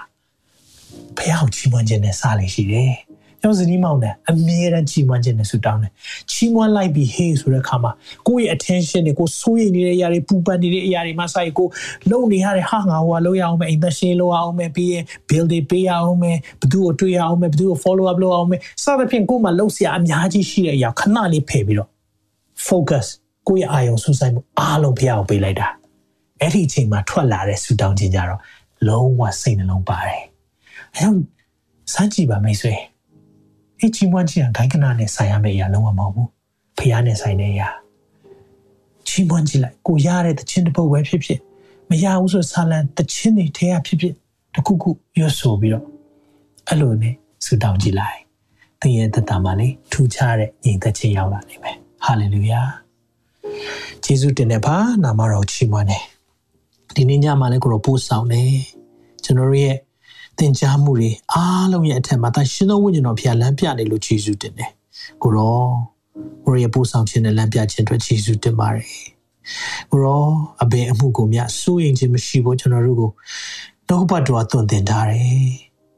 အရာရာမှာယေရှုတော်ချီးမွမ်းတတ်ဖို့နဲ့စိတ်လုံးပါလဲဆုတောင်းပတနာပြုတဲ့အခါမှာ လူတွေရဲ့ကြံစီလို့မရတဲ့ညီသက်ချင်းရောက်လာလို့ယေရှုတင်တယ်ဖျားရှင်ကိုရောဒီနေ့မှာကောင်းချီးပေးတယ်ဒီနေ့ညီသက်ချင်းလူအပ်တဲ့မိသားစုတွေမြောက်များစွာရှိတယ်တချို့ကျမ်းမာရေးကြောင့်မငြိမ်သက်နိုင်တဲ့သူတွေပေါ်မှာဘုရားရှင်ထမလာတော့ကျမ်းမာခြင်းတကူနဲ့အတူငြိမ်သက်ခြင်းပါသူတို့ခံစားပါစေကိုရောထုံဒီ၎င်းမစီးပွားရေးဒီနေ့ဆိုင်မရောင်းရတဲ့သူတွေရောင်းဝယ်ပါတဲ့သူတွေမှာဆိုင်ပြီ ကိုဗစ်ကြောင့်ဒုက္ခရောက်နေတဲ့သူများအားလုံးဘုရားရှင်နာမ၌ဒီနေရာကနေကောင်းကြီးပေးတယ်ကိုရောဒီနေ့အသက်ရှင်နေရတဲ့အခွင့်အတွက်ပင်လေဂျေဇုတင်တယ်ကိုရောရှူရှိုက်ရတဲ့လေအတွက်ပင်ယေရှုတင်တယ်။နေထွက်ရမှဒီနေဝင်ရတိုင်အောင်ထာဝရဘုရားနာမတော်ချီးမွမ်းစရာဖြစ်တယ်ဆိုတဲ့အတိုင်းပဲကိုရောကျွန်တော်တို့အခြေအနေတွေကဘလောက်ပဲကျွန်တော်တို့ဖြည့်ဆည်းပါလေစေအခြေအနေအထက်မှာရှိတဲ့သခင်ကိုမြင်တတ်ဖို့ရန်အတွက်ဝိညာဉ်မျက်စိများဖွင့်ပေးပါဝိညာဉ်နားများကြားစေပါ ကိုရောလက်ဝင်နာအပ်တယ်ဟာလေလုယာကိုရောဒီနေ့မှာကိုဗစ်ကြောင့်ဒုက္ခရောက်နေတဲ့စိတ်မသာညှိတွားနေတဲ့သူမှဆိုင်၍စေုံတက်နေရတဲ့သူများပေါ်မှာဖခင်ရဲ့ချမ်းသာခြင်းနဲ့ညီသက်ခြင်းကိုကြီးညာပါတယ်ကိုရောအထူးပဲကောင်းချီးပေးပါဒီနေ့လိုအပ်ချက်မြောက်များစွာကျွန်တော်ရှိကြပါတယ်ကျန်းမာရေးပိုင်းဆိုင်ရာလိုအပ်ချက်မြောက်များစွာရှိသလိုလူမှုရေးပိုင်းဆိုင်ရာမှာလည်းကိုရောအထူးပဲ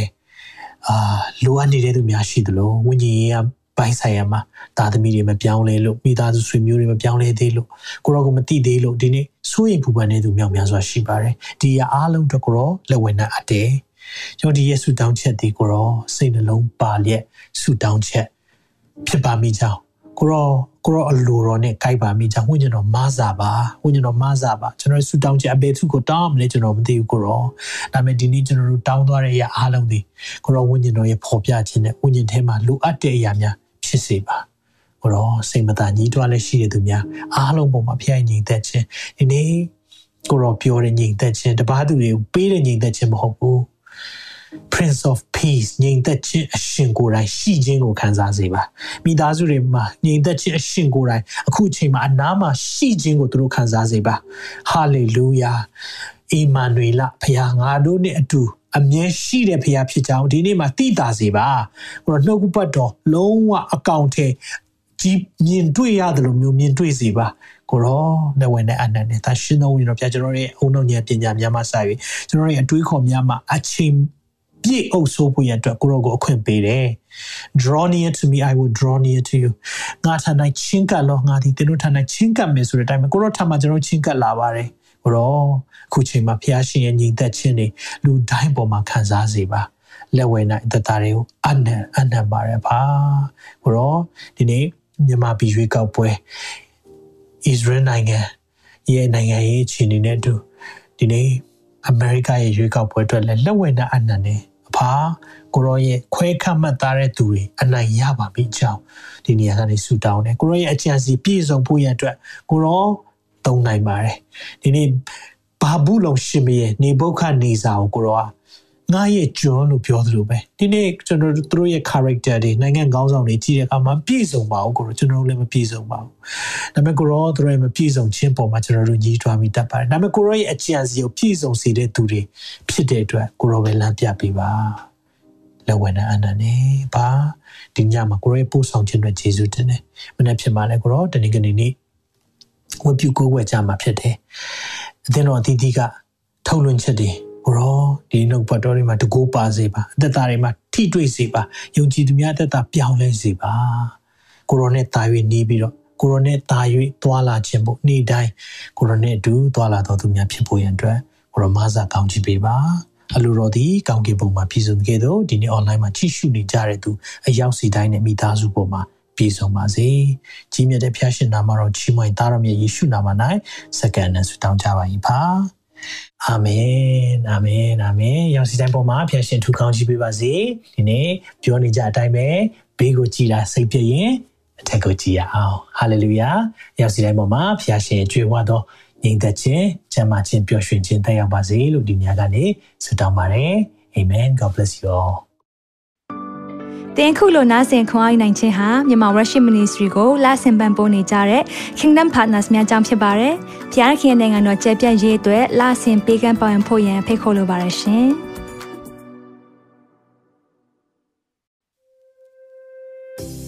အခုကြားနာခဲ့ရတဲ့နှုတ်ပတ်တော်အဖြစ်ခွန်အားရရှိမဲ့လို့ယုံကြည်မျှော်လင့်ပါတယ်။ခွန်အားရဆိုလို့ရှိရင်ဒီတစ်ပတ်နဲ့ပြန်လည်ဝင်မြပေးဖို့ရန်တောင်းဆိုပါရစေ။ မြန်မာ Worship Ministry ရဲ့ website myanmarworship.com ကိုလည်းလာရောက်လေ့လာဖို့ရန်အတွက်ဖိတ်ခေါ်ချင်ပါတယ်။တချိန်ထဲမှာမြန်မာ Worship Ministry ရဲ့ social media platform များဖြစ်တဲ့မြန်မာ Worship YouTube Channel, မြန်မာ Worship Facebook Page နဲ့မြန်မာ Worship Instagram များကိုလည်းလာရောက်လေ့လာဖို့ရန်အတွက်ဖိတ်ခေါ်ချင်ပါတယ်။နောက်တစ်ချိန်မှာပြန်လည်ဆုံတွေ့ကြပါစို့။ဖျားရှင်ကောင်းကြီးပေးပါစေ။